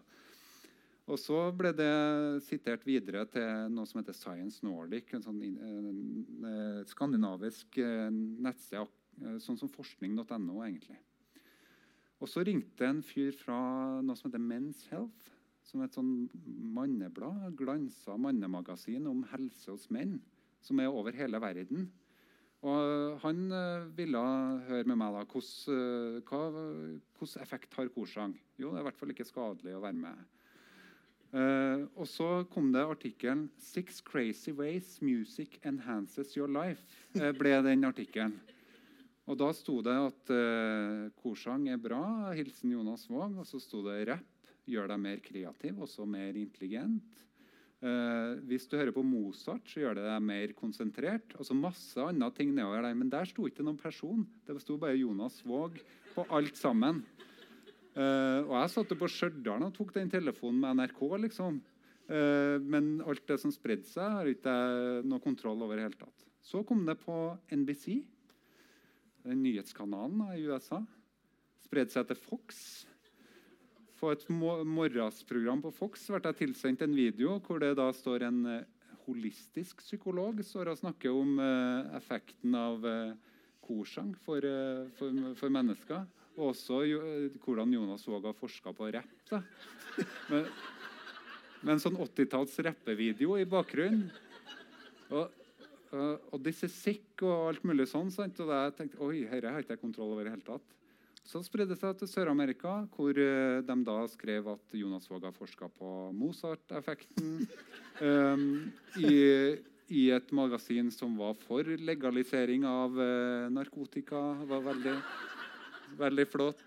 Uh, og så kom det til Thailand etter hvert. Så hvis du googler navnet mitt uh, og søker utafor Norge, så vil dere finne alle de artiklene som handler om noe helt annet. Det, det er akkurat som det, det Jeg splitta forskeren Jonas Våg bort fra meg sjøl. Det er ikke meg. Det er en annen person som er en falsk person. Da. Jeg, jeg, jeg elsker det. det. Det her er min type humor. da. Eh, og jeg tenker sånn, Det er sånn, sånn vitenskapelig viskeleken. Som bare liksom på, i hele, på hele jorda. Jeg har et spørsmål her. Um, Jonas, synger du i kor? Eh, nei, jeg gjør ikke det. Men jeg, har, eh, jeg, jeg forstår at det å synge i kor er eh, Ikke skadelig. Nei. Og, og det er faktisk, det er faktisk forska på, på eh, hormonene som utløses når man faktisk synger i kor. At det er faktisk en gruppe Altså det å synge sammen eh, gjør at man får et større gruppetilhørighet. Følelse av å høre hjemme et sted. Men det, når du går inn i en organisasjon og får enkelte til å synge sammen, så får de større gruppetilhørighet, men da får du også en gruppe som ikke har, føler seg så tilhørig til den gruppa. Så De synger sammen og har det veldig festlig sammen. Så veldig bra som et sånt fritidstiltak. Men så går resten av skolen sånn som ikke turte å være med på den sangen. da. Så enten så må de motiveres mye mer til å være med, eller så må man ha andre ting. Bokklubb eller et eller annet sånt. da. Jeg, jeg liker at du prøver å gjøre korsang kult. da. Det Det er jo kult. Syns du det er kult? Ja. Det var jeg, jeg, og, jeg og Sven vi sendte mail til dem eh, på barneskolen hvor vi var stygge med dem og kasta Det var dem også var, var korps, kor Nei, Jeg får ikke noe gehør for det her. Jeg må gi meg. Det for er- det. er feil. Greit, det er haters. Jeg skjønner det er greit. Du, Men, skal, men jeg, jeg skal si, eh, på basis av dere da, så ble jeg invitert til en operasal i London. og Da hadde jeg et foredrag om korsang og effekten av det. Og Der var det også en veldig kjent psykolog som heter Robin Dunbar. som om, Han, har funnet, han er en evolusjonspsykolog. og Han har forska fram til noe som han kaller Dunbars number. At eh, du liksom kan ha maks 300 nære venner, eller 300 venner som er liksom en del av stammen din. da. Fordi at han mener at utover det så er det unaturlig for mennesker å ha mer enn 300 nære, altså, personer som vi ville ha kalt eh, bekjente venner. Eh, så det var ganske absurd å stå der som en som bare tok en telefon på DPS Stjørdal, mens en annen fyr kom på eh, i den operasalen etter meg. da. Eh, så det var, det var noe stas. Jeg følte meg fjern. Ja, Da, vi skal før vi jazzer videre her nå, skal vi ta Ja, vi kjører videre, kanskje? Ja. Går det bra? Jeg prøver å strukturere litt. Ja. Her, bystander-effekten. Det har vi vært litt inne på. Du var litt inne på den. Men, ja, og det er jo som du sier, at folk bare går forbi. Og særlig hvis de ser at andre har gått forbi før. Mm. Uh, men bystander-effekten nå har jo fått en moderne tilsnitt som er nesten, eh, nesten verre. Og det er jo når folk nå ser folk som eh, ligger og, og blør med ambulansepersonell som holder på med gjenoppliving, og kanskje der det mest naturlige ville være at du stoppa bilen og hjalp til, eller spurte hva kan jeg gjøre, så tar folk og laster opp på, på YouTube eller uh, på, på Twitter eller hva nå heter alle disse moderne eh, greiene. Eh, Og det er jo faktisk ulovlig. Det, altså, du kan bli straffeforfulgt med det. Så det sier jo litt om hvor, hvor sterkt også det behovet for folk er. da. Ikke bare å ikke gjøre noen ting, men faktisk å på en måte like eller for å få mer likes på sosiale medier. Mm. Og det er noe som jeg har sett uh, oftere og oftere i min, uh, min jobb. da. Der jeg, når jeg er med politiet og, og ser at folk er veldig kjappe uh, på å, å, å ta opp kameraet istedenfor å legge fra seg kameraet og spørre hva kan jeg gjøre. Mm. Og dette her ligner jo veldig på den rabbinergreiene. ikke sant? Var det uh, dem som skulle ha forelesning om den samme, barmhjertige samaritanen. Og Dette her er dette her er sånn som jeg, Nå får du korrigere meg, Jonas, men sånn som jeg ser her, så, på, på tallet, så er dette her på en måte, det er ikke noen kultur eller noen land eh, eller lignende ting. Det er et all- allmenngyldig fenomen. Mm. Men selvsagt, dette, han som ligger her, er, du kjenner ikke han.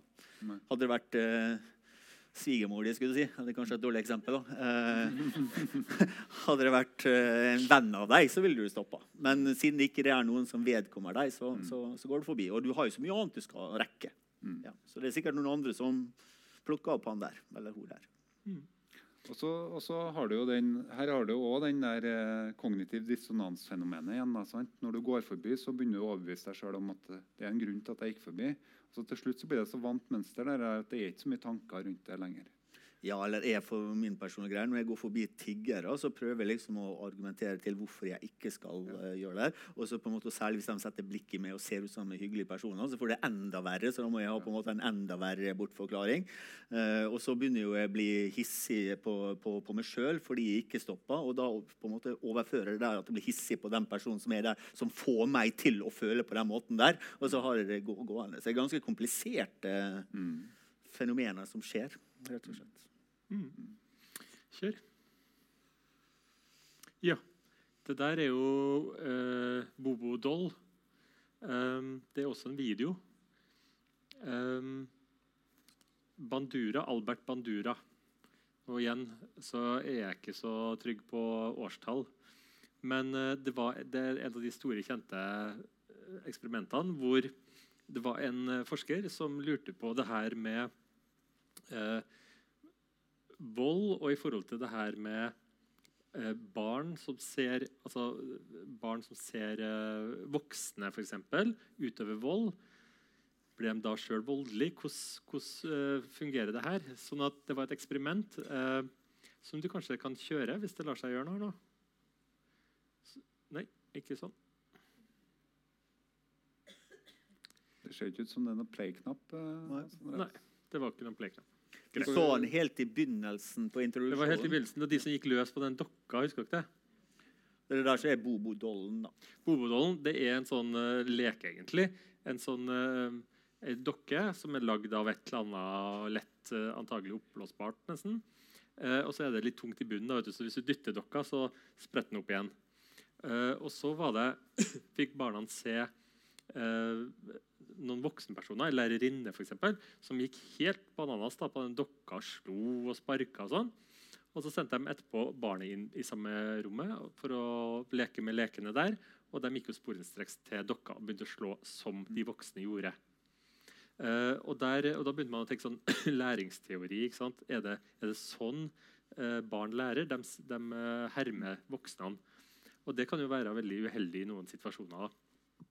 Ja, han, øh, eh, altså fra før så hadde man, tenkte man at læring skjedde gjennom prøving og feiling. At, du- at eh, man sjøl som aktør øh, enten opplevde en eh, belønning eller straff, eller det som kalles negativ eller positiv forsterkning av atferden sin. Da. Og at det medførte øh, om hvorvidt du gjør noe, repeterer noe igjen. Mens eh, Bandura kom liksom med det sosial læringsteori.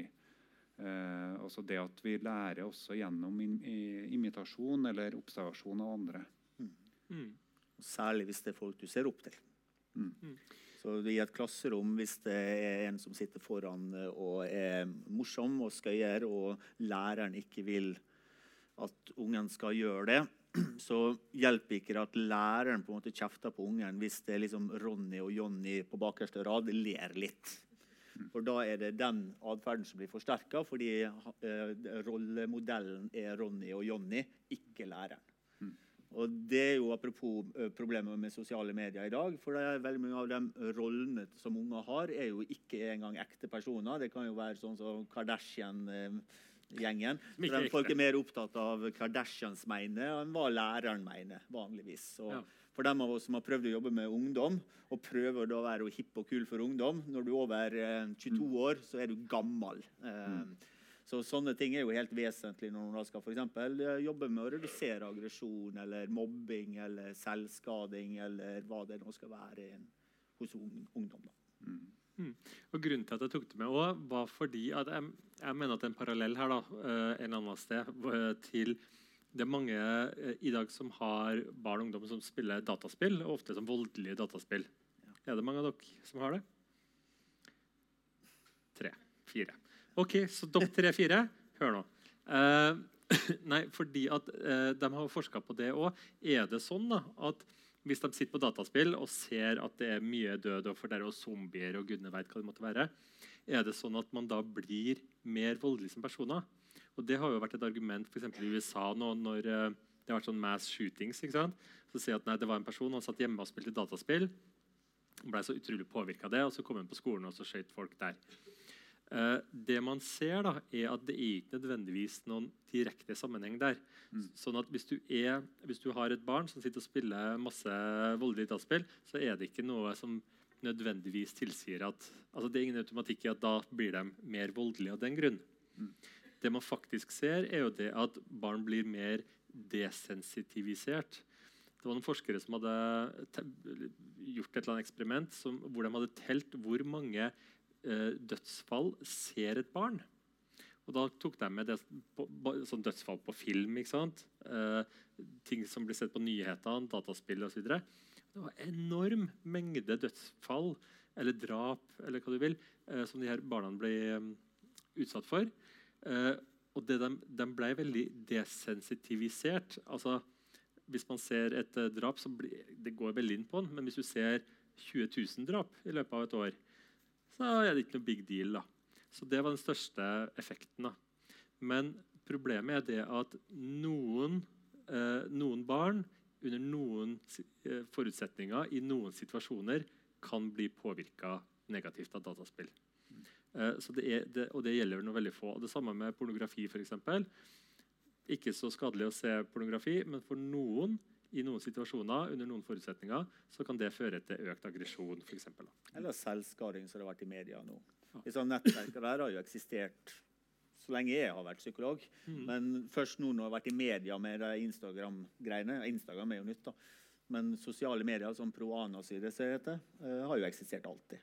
Men du skal ikke være så bekymra for at en unge går inn der. Men hvis den personen allerede på en måte har identifisert seg som en selvskader eller anorektiker, så kan det forsterke problemet. Men folk flest vil ikke begynne bare fordi de ser det på, på nettet. Mm. Eller spiller det på et dataspill. Fint. Ja. Vi, vil du si noe mer om det, eller skal vi kjøre på? I det eksperimentet her, og sant, eh, likevel om det var masse andre leker der, så er det jo eh, gjennom at ungene ser at det der skjer, så det noe, legger det jo noen rammer for fantasien deres om hva de eh, kunne tenkt seg å gjøre, gjort først når de går inn i det rommet. Så du, du liksom lærer ok, det går an å gjøre det her, og derfor gjør det det her. Ja. Så det er, jo, det er jo litt sånn fantasiløshet i det òg. Vi imiterer etter dem, eh, dem som vi observerer. Mm. Litt det samme. Er fotballtrener til gutta på ti. da. Og Der er det bl.a. sånn eh, eh, Hvis jeg ikke Hvis eh, det at en når vi skal stille opp i sirkel, en springer bort til målet og så skyter en ball i mål i stedet, 1000 ganger. Og Hvis jeg ikke sier, roper at vedkommende kommer tilbake, hvis det ikke får noen konsekvens, på et vis, at jeg ikke tar grep, så er jeg ganske så sikker på at alle de andre ungene, alle andre 20 ungene de står og sparker inn ballen i det målet og ikke hører på meg. Så det, det, det, Det var, noe, det var noe veldig sårt i den historia der. Oh. Har det vært, har det vært vanskelig? Og det er vanskelig. Det er så vanskelig. Ja. Eh, Ja, jeg har et spørsmål her. Um, en ting er tillærte egenskaper, men hvor stor innvirkning har biologi gjennom arv? Eksempelvis barn som er tatt ut av hjemmet som liten av ulike årsaker, som fosterbarn eller adoptivbarn. Og så er det også gjort forskning på tvillinger som har oppvokst separat i ulike land og miljøer med mange likhetstrekk. Mm. Det der er en litt sånn uh, I gamle dager, og da snakker vi om på 90-tallet, så, eh, så, eh, så, altså forskningsmessig på det området her, så, så vil man ofte uh, si sånn så og så mange prosent og så og så mange prosent miljø, så og så mange prosent uh, arv. I dag så ser vi det at det, det er så mange intrikate samspill at det er umulig å si hva som er det. Og noen personlighetstrekk er mer arvelig enn andre. F.eks. innadvendthet, utadvendthet. Mm. Uh, eh, og Og tilbøyelighet til det å kjenne på ubehagelige følelser, eller slite med å regulere følelsene sine. Ja. på et vis. Mm. Så, så Sånne ting er mer arvelige. og da, I forhold til disse tvillingstudiene, der du da har en tvilling som har det miljøet og det andre, så vil sånne ting eh, bli mindre påvirka, men likevel påvirka.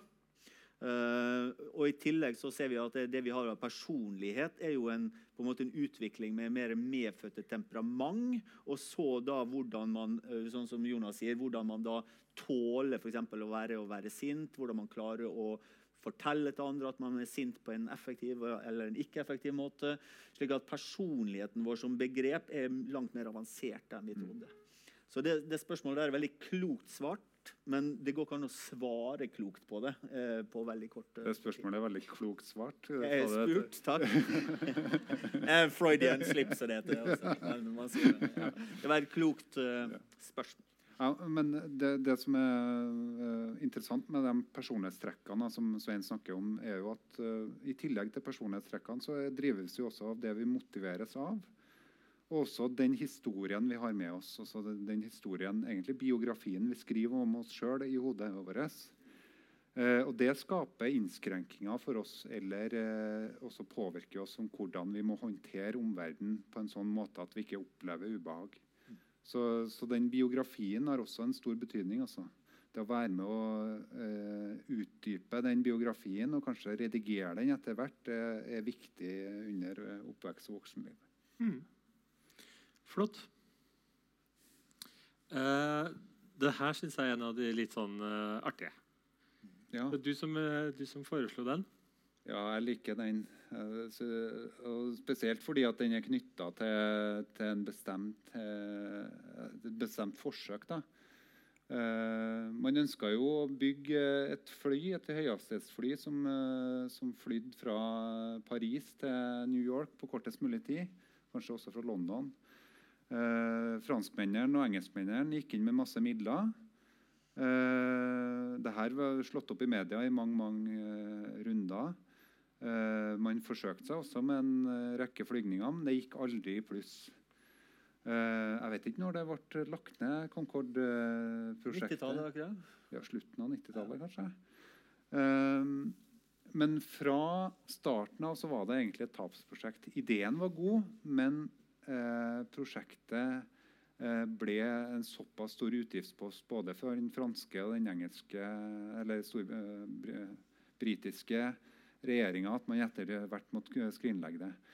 Og Grunnen til at det var sånn, er at man tenker at eh, det er en grunnleggende mekanisme hos oss eh, som enten kalles Concorde-fallacy, eller Concorde-tankefeilen, eller det som også da kalles sunk cost fallacy.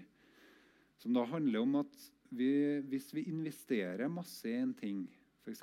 tid, eh, så begynner vi å ta høyde for også den tida vi har brukt når vi skal gjøre en beslutning i om vi skal fortsette med det eller ikke. Selv om det viser seg at det har feila gang på gang på gang, eller at vi er over, ganske så alle ting tilsier at dette her fungerer ikke, så tenker vi at ja, men det er jo bortkasta. Hva med all denne tida som jeg har brukt på dette her? Eh, skal jeg, hvordan skal jeg da forholde meg til det? Jeg har brukt ti år av livet mitt på det her. Hvordan skal jeg da eh, håndtere det når jeg gjør, tar inn beslutninga at det her skal jeg slutte med? Jeg har faktisk et eksempel på det. Jeg har et sånt, uh, sånt spill på telefonen min Mm. som jeg, hadde, jeg tror jeg hadde i to år. Og så har det vært sånn at når du sitter og spiller det, da, så er det sånn, de spør ja, kunne du ha betalt seks kroner for å få en eller annen fordel, eller hva det nå er. da. Så, ja, ok, da kan jeg gjøre det, da. Og så går de, ja, kan du betale 11 kroner, kan du betale 5 kroner, kan du betale 7 kroner. I løpet av to år da, så har jeg betalt egentlig ganske mye penger da, på et eller annet idiotspill som har bare lurt meg. Men jeg kan jo ikke slutte å spille nå. Ja. Altså, jeg har, jo, jeg har jo, I'm in too deep. på en måte, for Hvis jeg nå bare slutter å spille spillet, sletter det ferdig snakka, så, så det vil være veldig vanskelig for meg. da. Nettopp fordi at ja, men jeg har jo investert så mye i det. på en måte. Folk sier det samme med Facebook. Jeg kom ut av Facebook for mange år siden har aldri sett meg tilbake. Men folk spør meg stadig vekk liksom, savner ikke du Facebook. Eller jeg har alle kontaktene mine på Facebook. og Hvordan kan jeg leve uten Facebook? For jeg har jo vokst opp med Facebook. Svaret det går veldig bra. Ja. Men Det føles ut som Nei, jeg har investert så mye i Facebook. Ja, du har ikke, du har ikke 1145 nære venner Nei, nei. som du kan eh, Det er ulempen. da. Ja. Du kan ikke ha flere enn 300. Nei. Dunbar number. Nei, sant. Så det, så det resterende nummeret der vet ikke jeg hva Ja, nei, jeg lurer på. Da må vi gå gjennom en runde til, tror jeg. Ja. Og se hvem som er egentlig glad i meg. Det som var litt artig med når du først nevnte Concorde fallacy, Mm. var det at jeg tenkte på en annen ting eh, rundt det her med Concorde. Eh, fordi det som skjedde da, så fant de ut til slutt at nå legger vi ned. For det, det, det er ikke lønnsomt, rett og slett. Sånn at det siste året eh, Concorde eh, fløy fra London og Paris til New York, så var det stappfullt. Det, var, altså, det har aldri vært så mye folk som har lyst til å fly Concorde. Og hvorfor det? Jo, fordi at det var på en måte siste sjanse. Det var et, eh, eh, et tilbud som var veldig begrenset, som bare noen få kunne. Og da ville alle ha. Så hvis vi trekker den videre nå, så har du Og det er scarcity. Uh, altså Cialdini har uh, Sex Principle, uh, Principles of Influence. Det er en utrolig artig bok. Den leste vi på psykologstudiet. Uh, en, altså det var faktisk rett og slett en oppskrift inne der til å lage en selvmordssekt. og greier da.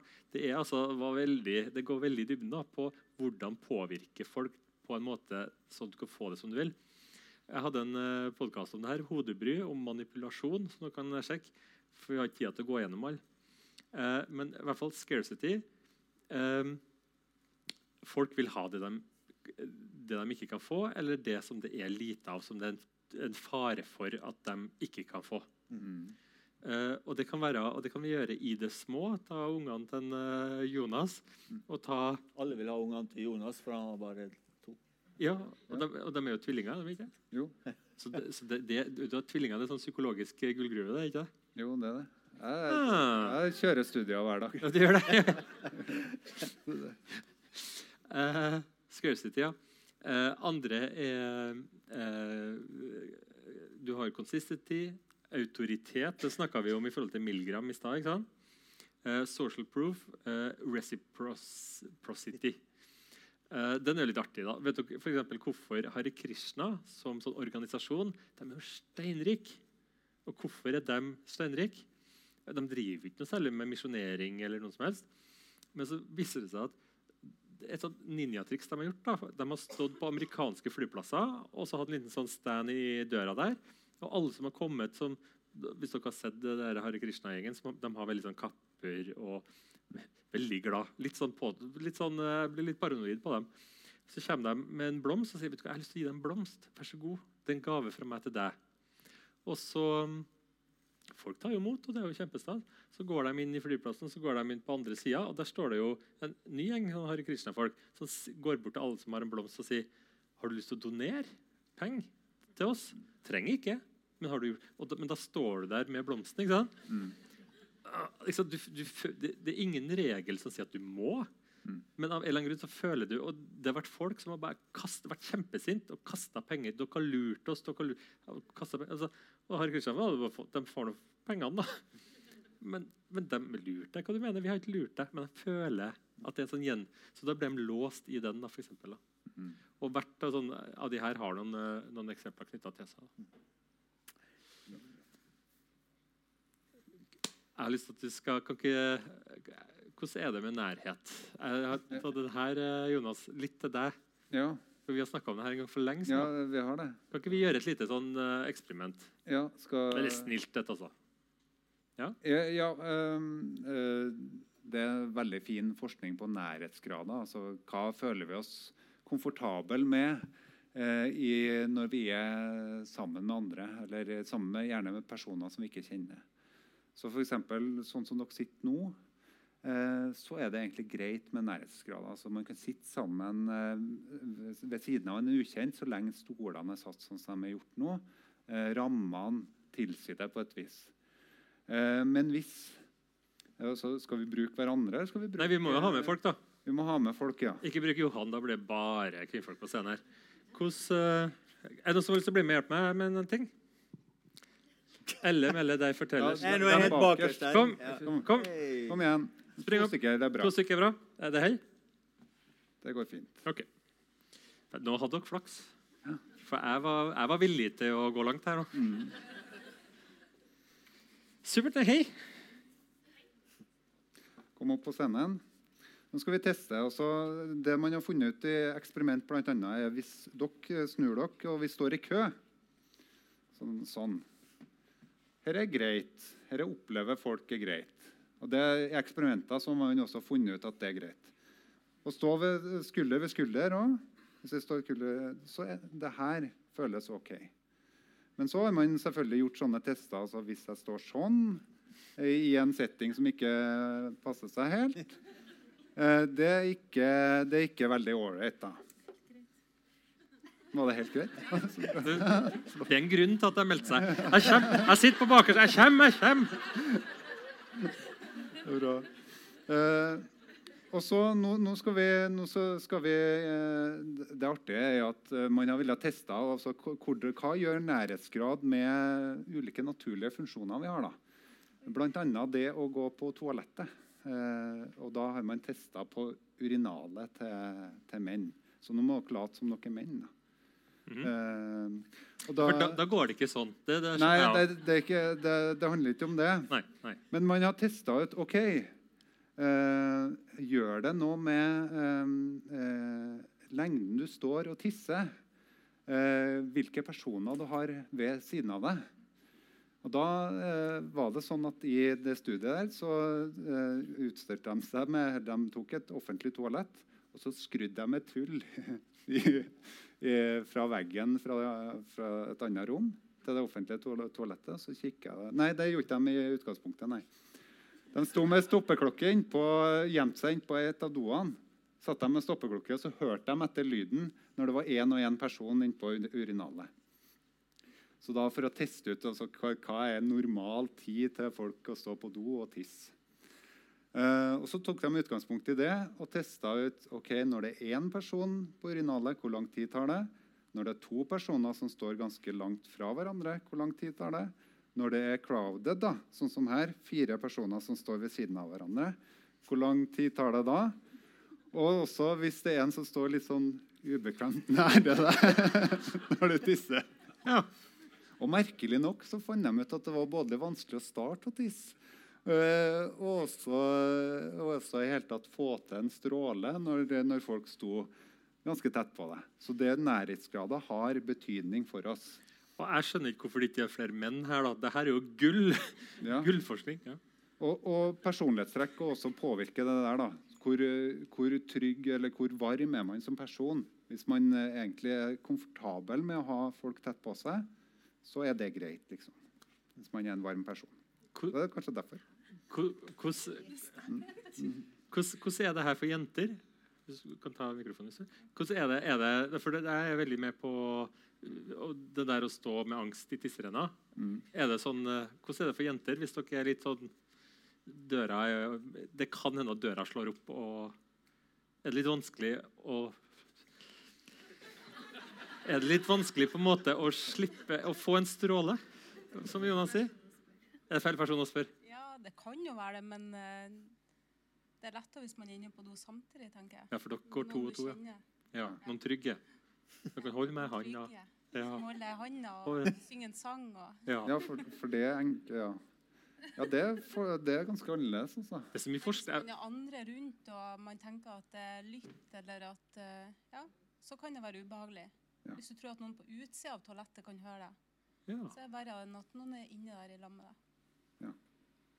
Hvis det er noen som skal høre deg, så skal du i hvert fall kikke dem i øynene mens de hører deg. Det er liksom det som er greia. Det er viktig, den kontakten. Ja. Ja, nei, jeg jeg syns det er veldig mye, jeg synes det er mye forskning Jonas, eh, som, eh, som Ja. trengs her på damer, eh, damesituasjonen. Jeg har veldig mange spørsmål. Jeg har veldig mange spørsmål hva dere holder på med to og to. Har Marte så veldig mange svar? Ja, Har du lyst til å kommentere? Nei, jeg har ikke det. Jeg syns det var veldig utfyllende og bra det Ingrid kom med. Ja, bra. bra. Eh, et, eh, nei, vi, vi, vi later som vi står på bussplassen. Forresten, eh, Det er artig med sånne observasjonsstudier. Eh, eh, siden vi har kø her, så tenkte jeg skulle si en del av dere skal kanskje ta bussen etterpå. Eh, og heldigvis så har vi sånn sanntidsskjermer her. For det, det har man også testa ut. Eh, er det forskjell mellom når du da venter på bussen, er det forskjell mellom opplevd ventetid og faktisk ventetid? Og det finner man ut at uh, vi opplever nesten at vi venter 25 mer enn det, vi, enn det som er faktisk ventetid. Mm. Så jeg, jeg skal saksøke AtB før, uh, før eh, sanntidssystemet. Fordi jeg, kastet, jeg regna ut Jeg kasta bort en hel arbeidsdag jeg, på å vente på bussen i opplevd ventetid. Eh, men ikke faktisk, da. Selvfølgelig ikke. Og det, og det gjelder litt sånn på scenen, for Dere opplever nå at dere har stått der 25% lengre enn dere faktisk har. Ja, Sikkert. Dere vet- Jo, nei, men eh, Tusen vi- takk, tusen takk. Tusen takk. Applaus. Vi har julegaven før vi Ja. Vi, vi, vi går mot slutten, men det her må vi Det her har ikke jeg hørt. Du eh, sendte meg en melding tidligere i dag sa vi må snakke om det her, sa du. ja. Så vi bare putta det inn, men jeg har ikke hørt det før. Så jeg vil Eh, spørre du har Det nærmer seg jul. Eh, og derfor er det jo liksom kjekt å vite eh, hvilke julegaver skal jeg kjøpe. Og vil den eh, Hvis man kjøper julegaver, da. Og hvis den eh, vil den jeg gir julegaven til, eh, bli fornøyd av den julegaven. Eh, og Der ble jeg kontakta av eh, dere Praktisk info med Jon Almaas skal ha et program hvor de skal sjekke ut julegave. Altså praktisk info om julegavekjøping. Og Da måtte jeg gå inn og sjekke finnes det noen artikler på julegavepsykologi. Og ja, psykologer er ikke skamvett, så, så det finnes selvfølgelig. Det fantes faktisk en gjennomgang av all forskning på julegavepsykologi. Og det er faktisk ikke så rent lite. Eh, Så de oppsummerte på denne måten. Her, Her må man følge med. ja, her skal vi gå, ta utgangspunkt i tankefeller som giver har, og opplevelsen mottaker har. Eh, også, ofte så er det sånn at mottaker har en tanke om at det jeg må gi bort, må være sånn, eh, noe som er, ser fint ut. Noe som er eh, eh, altså, noe, Gjerne noe som glinser, gjerne noe som er eh, eh, får deg som giver til å eh, stilles i et relativt godt lys. da, eh, på et vis. Så jeg, hvis jeg skal kjøpe gave til kona mi, selv om kona mi ikke har sagt at hun ønsket seg en ring, så tenker jeg at gi bort en ring. Det er flott. Fordi at den vil glinse når hun åpner opp på julaften. Og så kommer jeg til å bli få uh, terningkast uh, Ja. Uh, ja. Han skal få, ja, han skal få noe. Han får noe. Ikke tenk på det. Det blir, det blir noe for. Ja. Men problemet er at mottaker, når de undersøker gavepsykologi- julegavepsykologien, så finner man ut at mottaker gjerne vil ha en praktisk gave. Eh, eh, noe som du kan bruke til noe. Ikke nødvendigvis noe som du, noe som du eh, har, bruker bare en sjelden gang. Sikkert en del eh, som vil være uenig i det. Det er veldig koselig å få den eh, diamantringen. Men altså da eh, De fleste vil ha en praktisk gave. En annen ting er at vi tror at gaver skal være eh, overraskende. Å, fantastisk! Fant du på det, det her til meg? Den tingen jeg ikke ønska meg i hele tatt. Nydelig! Supert! Tusen takk. Eh, problemet viser seg at eh, man gjerne vil ha den gaven som eh, man ønska seg. Eh, som man ga hint gjennom hele høsten om at det her er det skal, Har du sett den eh, avisa her? Sånn. Ja. Oi! En, en tur til Bahamas. Ja, og da er det kjedelig med en tur til Nord-Korea eller Ja. et eller annet. Sant? Ehm, så, så prøv å gi bort det, det, som nå man faktisk ønsker seg. Men så er det triste, det siste der. Dette er amerikansk forskning. da. Så, er det, så står det liksom 'error' bak å gi bort noe som er liksom sånn eh, eh, noe vedledig. F.eks. det å kjøpe en eh, for Norsk Folkehjelp eller et eller annet. Selg noe, så gir du bort det. Eh, problemet når man gir bort det, ifølge forskninga, da, er at man gjerne eh, må tilpasse det til personen som mottar det. Så hvis, hvis du vil at personen eh, som mottar det, skal få en god følelse ved seg sjøl, eller eh, være takknemlig for gaven, så bør den kanskje tilpasses den som mottar det. Hvis du var en så her- geit, ja. geit som er gitt til en eller annen bonde i Kenya Det fikk jeg for to ju- juler siden. ja. Og da ble du glad? Så... Da ble jeg kjempeglad, for jeg har veldig nært forhold til bønder i Kenya. Jo, men jeg, jeg, ble, jeg ble jævlig glad. Jeg har fått flere geiter i, som da er i Afrika, ble sendt til noen i Afrika. For jeg tenkte Jesus Christ, hva hvis jeg fikk ei geit hit? Bra de ga det bort til noen som faktisk trengte det. Eh, men, men vi bryter oss om den siste her, da. Sant? Men de to andre her kan være lur. Så det, det du sier, er gi en gave som ikke er bling-bling og flott, men uønska. Gi noe som de, som de ønsker seg, og som er praktisk. Praktisk. Ullsokker. Ullsokker er bra. Uh, og gi noe som man faktisk ønsker seg. Gi bort Guns N' Roses. Ikke, ikke det det er med Åh. OVæ. Og da fikk jeg så vondt igjen. Det var et barndomsdrøm. Ja, det er et barndomsminne. Altså, onkelen min som, hører på, som hørte på rock sjøl, han presterte å kjøpe eh, DDE. da. Eh, DDE er koselig, det. altså Namsos og, og full pakke og sånn. Men, eh, men, men jeg ønska meg Guns N' Roses-plata. Ja. Sånn er det. Og så kan vi også si at det er interessant forskning som har kommet nå, en gjennomgang av at vi, altså spisevaner. Så hvis noen føler seg god og mett i jula, så har man funnet ut at vi spiser mer, vi tar mer kaloriinntak når vi sitter sammen med personer vi bryr oss om. Eh, Så det er en fin ting. Hvis dere føler dere også på slutten av eh, på første juledag så tenker dere «Ah, jeg er så stappmett, herlighet, jeg er en forferdelig person som gasser innpå med eh, så mye. Så handla det faktisk om at du satte kanskje pris med å være sammen med dem du hadde nær. Så hvis du gir en julegave til en person som han ikke setter pris på, slik at han ikke liker deg, Ja. så vil ikke den personen spise så mye. Nei, sant? Så gi bort noe fælt til jul, så slipper dere å spise. Ja. Praktisk info fra Jonas. eh, Jonas Flotters, vi er litt eh, over tida vår allerede, vi. Eh, men det var verdt det, syns jeg. Hvordan, hvordan er det? Hvordan er det? Hvor mange er det som er glad? Jo da. Vi, den der tror jeg vi, vi berga fint. Eh, vi, vi skal møtes her igjen, vi. Eh, 11. desember. Dere er med? Nei, nei, nei. Eh, da skal vi ha om media. Så da har vi en annen gjest eh, som kommer til å snakke, en eh, lege som kommer til å snakke om det her med kjønnsideal Nei, heter det kjønnsideal? Nei, skjønnhetsideal. Ja, rolig, rolig. Det her går bra. Eh, eh,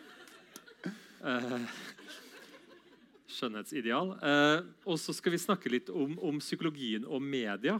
For hva gjør media eh, med oss? Alt ifra galskapen vi ser på, på, eh, på Ex on the beach. Ex on the Beach, Paradise Hotel. Eh, andre sånne plasser hvor, hvor Da kan du begynne å snakke om hvordan det var i gamle dager, eh, Svein. Eh, jeg tror det blir kjempespennende. Gå inn, eh, gå på Facebook og lik når ulven kommer-sida vår. Der står det alle arrangementene. Vi skal lage en eh, flott og heseblesende program for neste, neste år òg. Det her blir steike bra. Og så tenker jeg litt sånn, Det er lov å ønske seg tema. Er det noe dere har lyst til å høre om? Ta så Send det inn på Facebook eh, til oss. eh, Så kan vi godt hende at vi lager et tema på det. Eller gjester. Eh, eller hvis dere noen gjester dere har lyst til å høre, si fra. Og så tenker jeg litt sånn den der med eh, Det er noe med å stå på Litteraturhuset på en scene osv. Jeg tenker det at som eh, samfunnspsykolog jeg vil jo være der dere er. Så det jeg tenkte er, jeg, jeg kjører en, ut, en eh, oppfordring. Jeg, I løpet av våren som kommer, jeg har lyst til å- komme hjem til dere. Jeg mener det helt på ordentlig. Jeg mener det at Hvis noen av dere inviterer meg og Svein hjem i stua deres, og den stua fyller dere med masse venner og, og andre folk, og gjerne masse menn, og har et, og har et ønske om eh, et eller annet tema Er du med på den, Svein? Tar du, Jeg er med. Ja. du med? Hvis, har, hvis noen av dere jobber i en barnehage, og det står tomt på kveldstid, og dere tenker at her i bydelen vår så ønsker vi at noen skal komme og snakke om tilknytning eller om et eller annet. Hvis dere, eh, Har du noen flere eksempler? Hvis dere jobber i eh. Det var eh, seigt. Hvis dere kommer fra Fosen Hvis dere, hvis, dere, hvis dere er dypt hardt inne i eh, rånemiljøet i Fosen, ring meg. Uh, nei, Så dere skjønner. Send, uh, vi, vi tar den. Vi tar den. I løpet av våren så, så kommer vi på besøk. Ja. Uh, tusen takk for oss. Håper dere har hatt det bra. Kom nok godt hjem.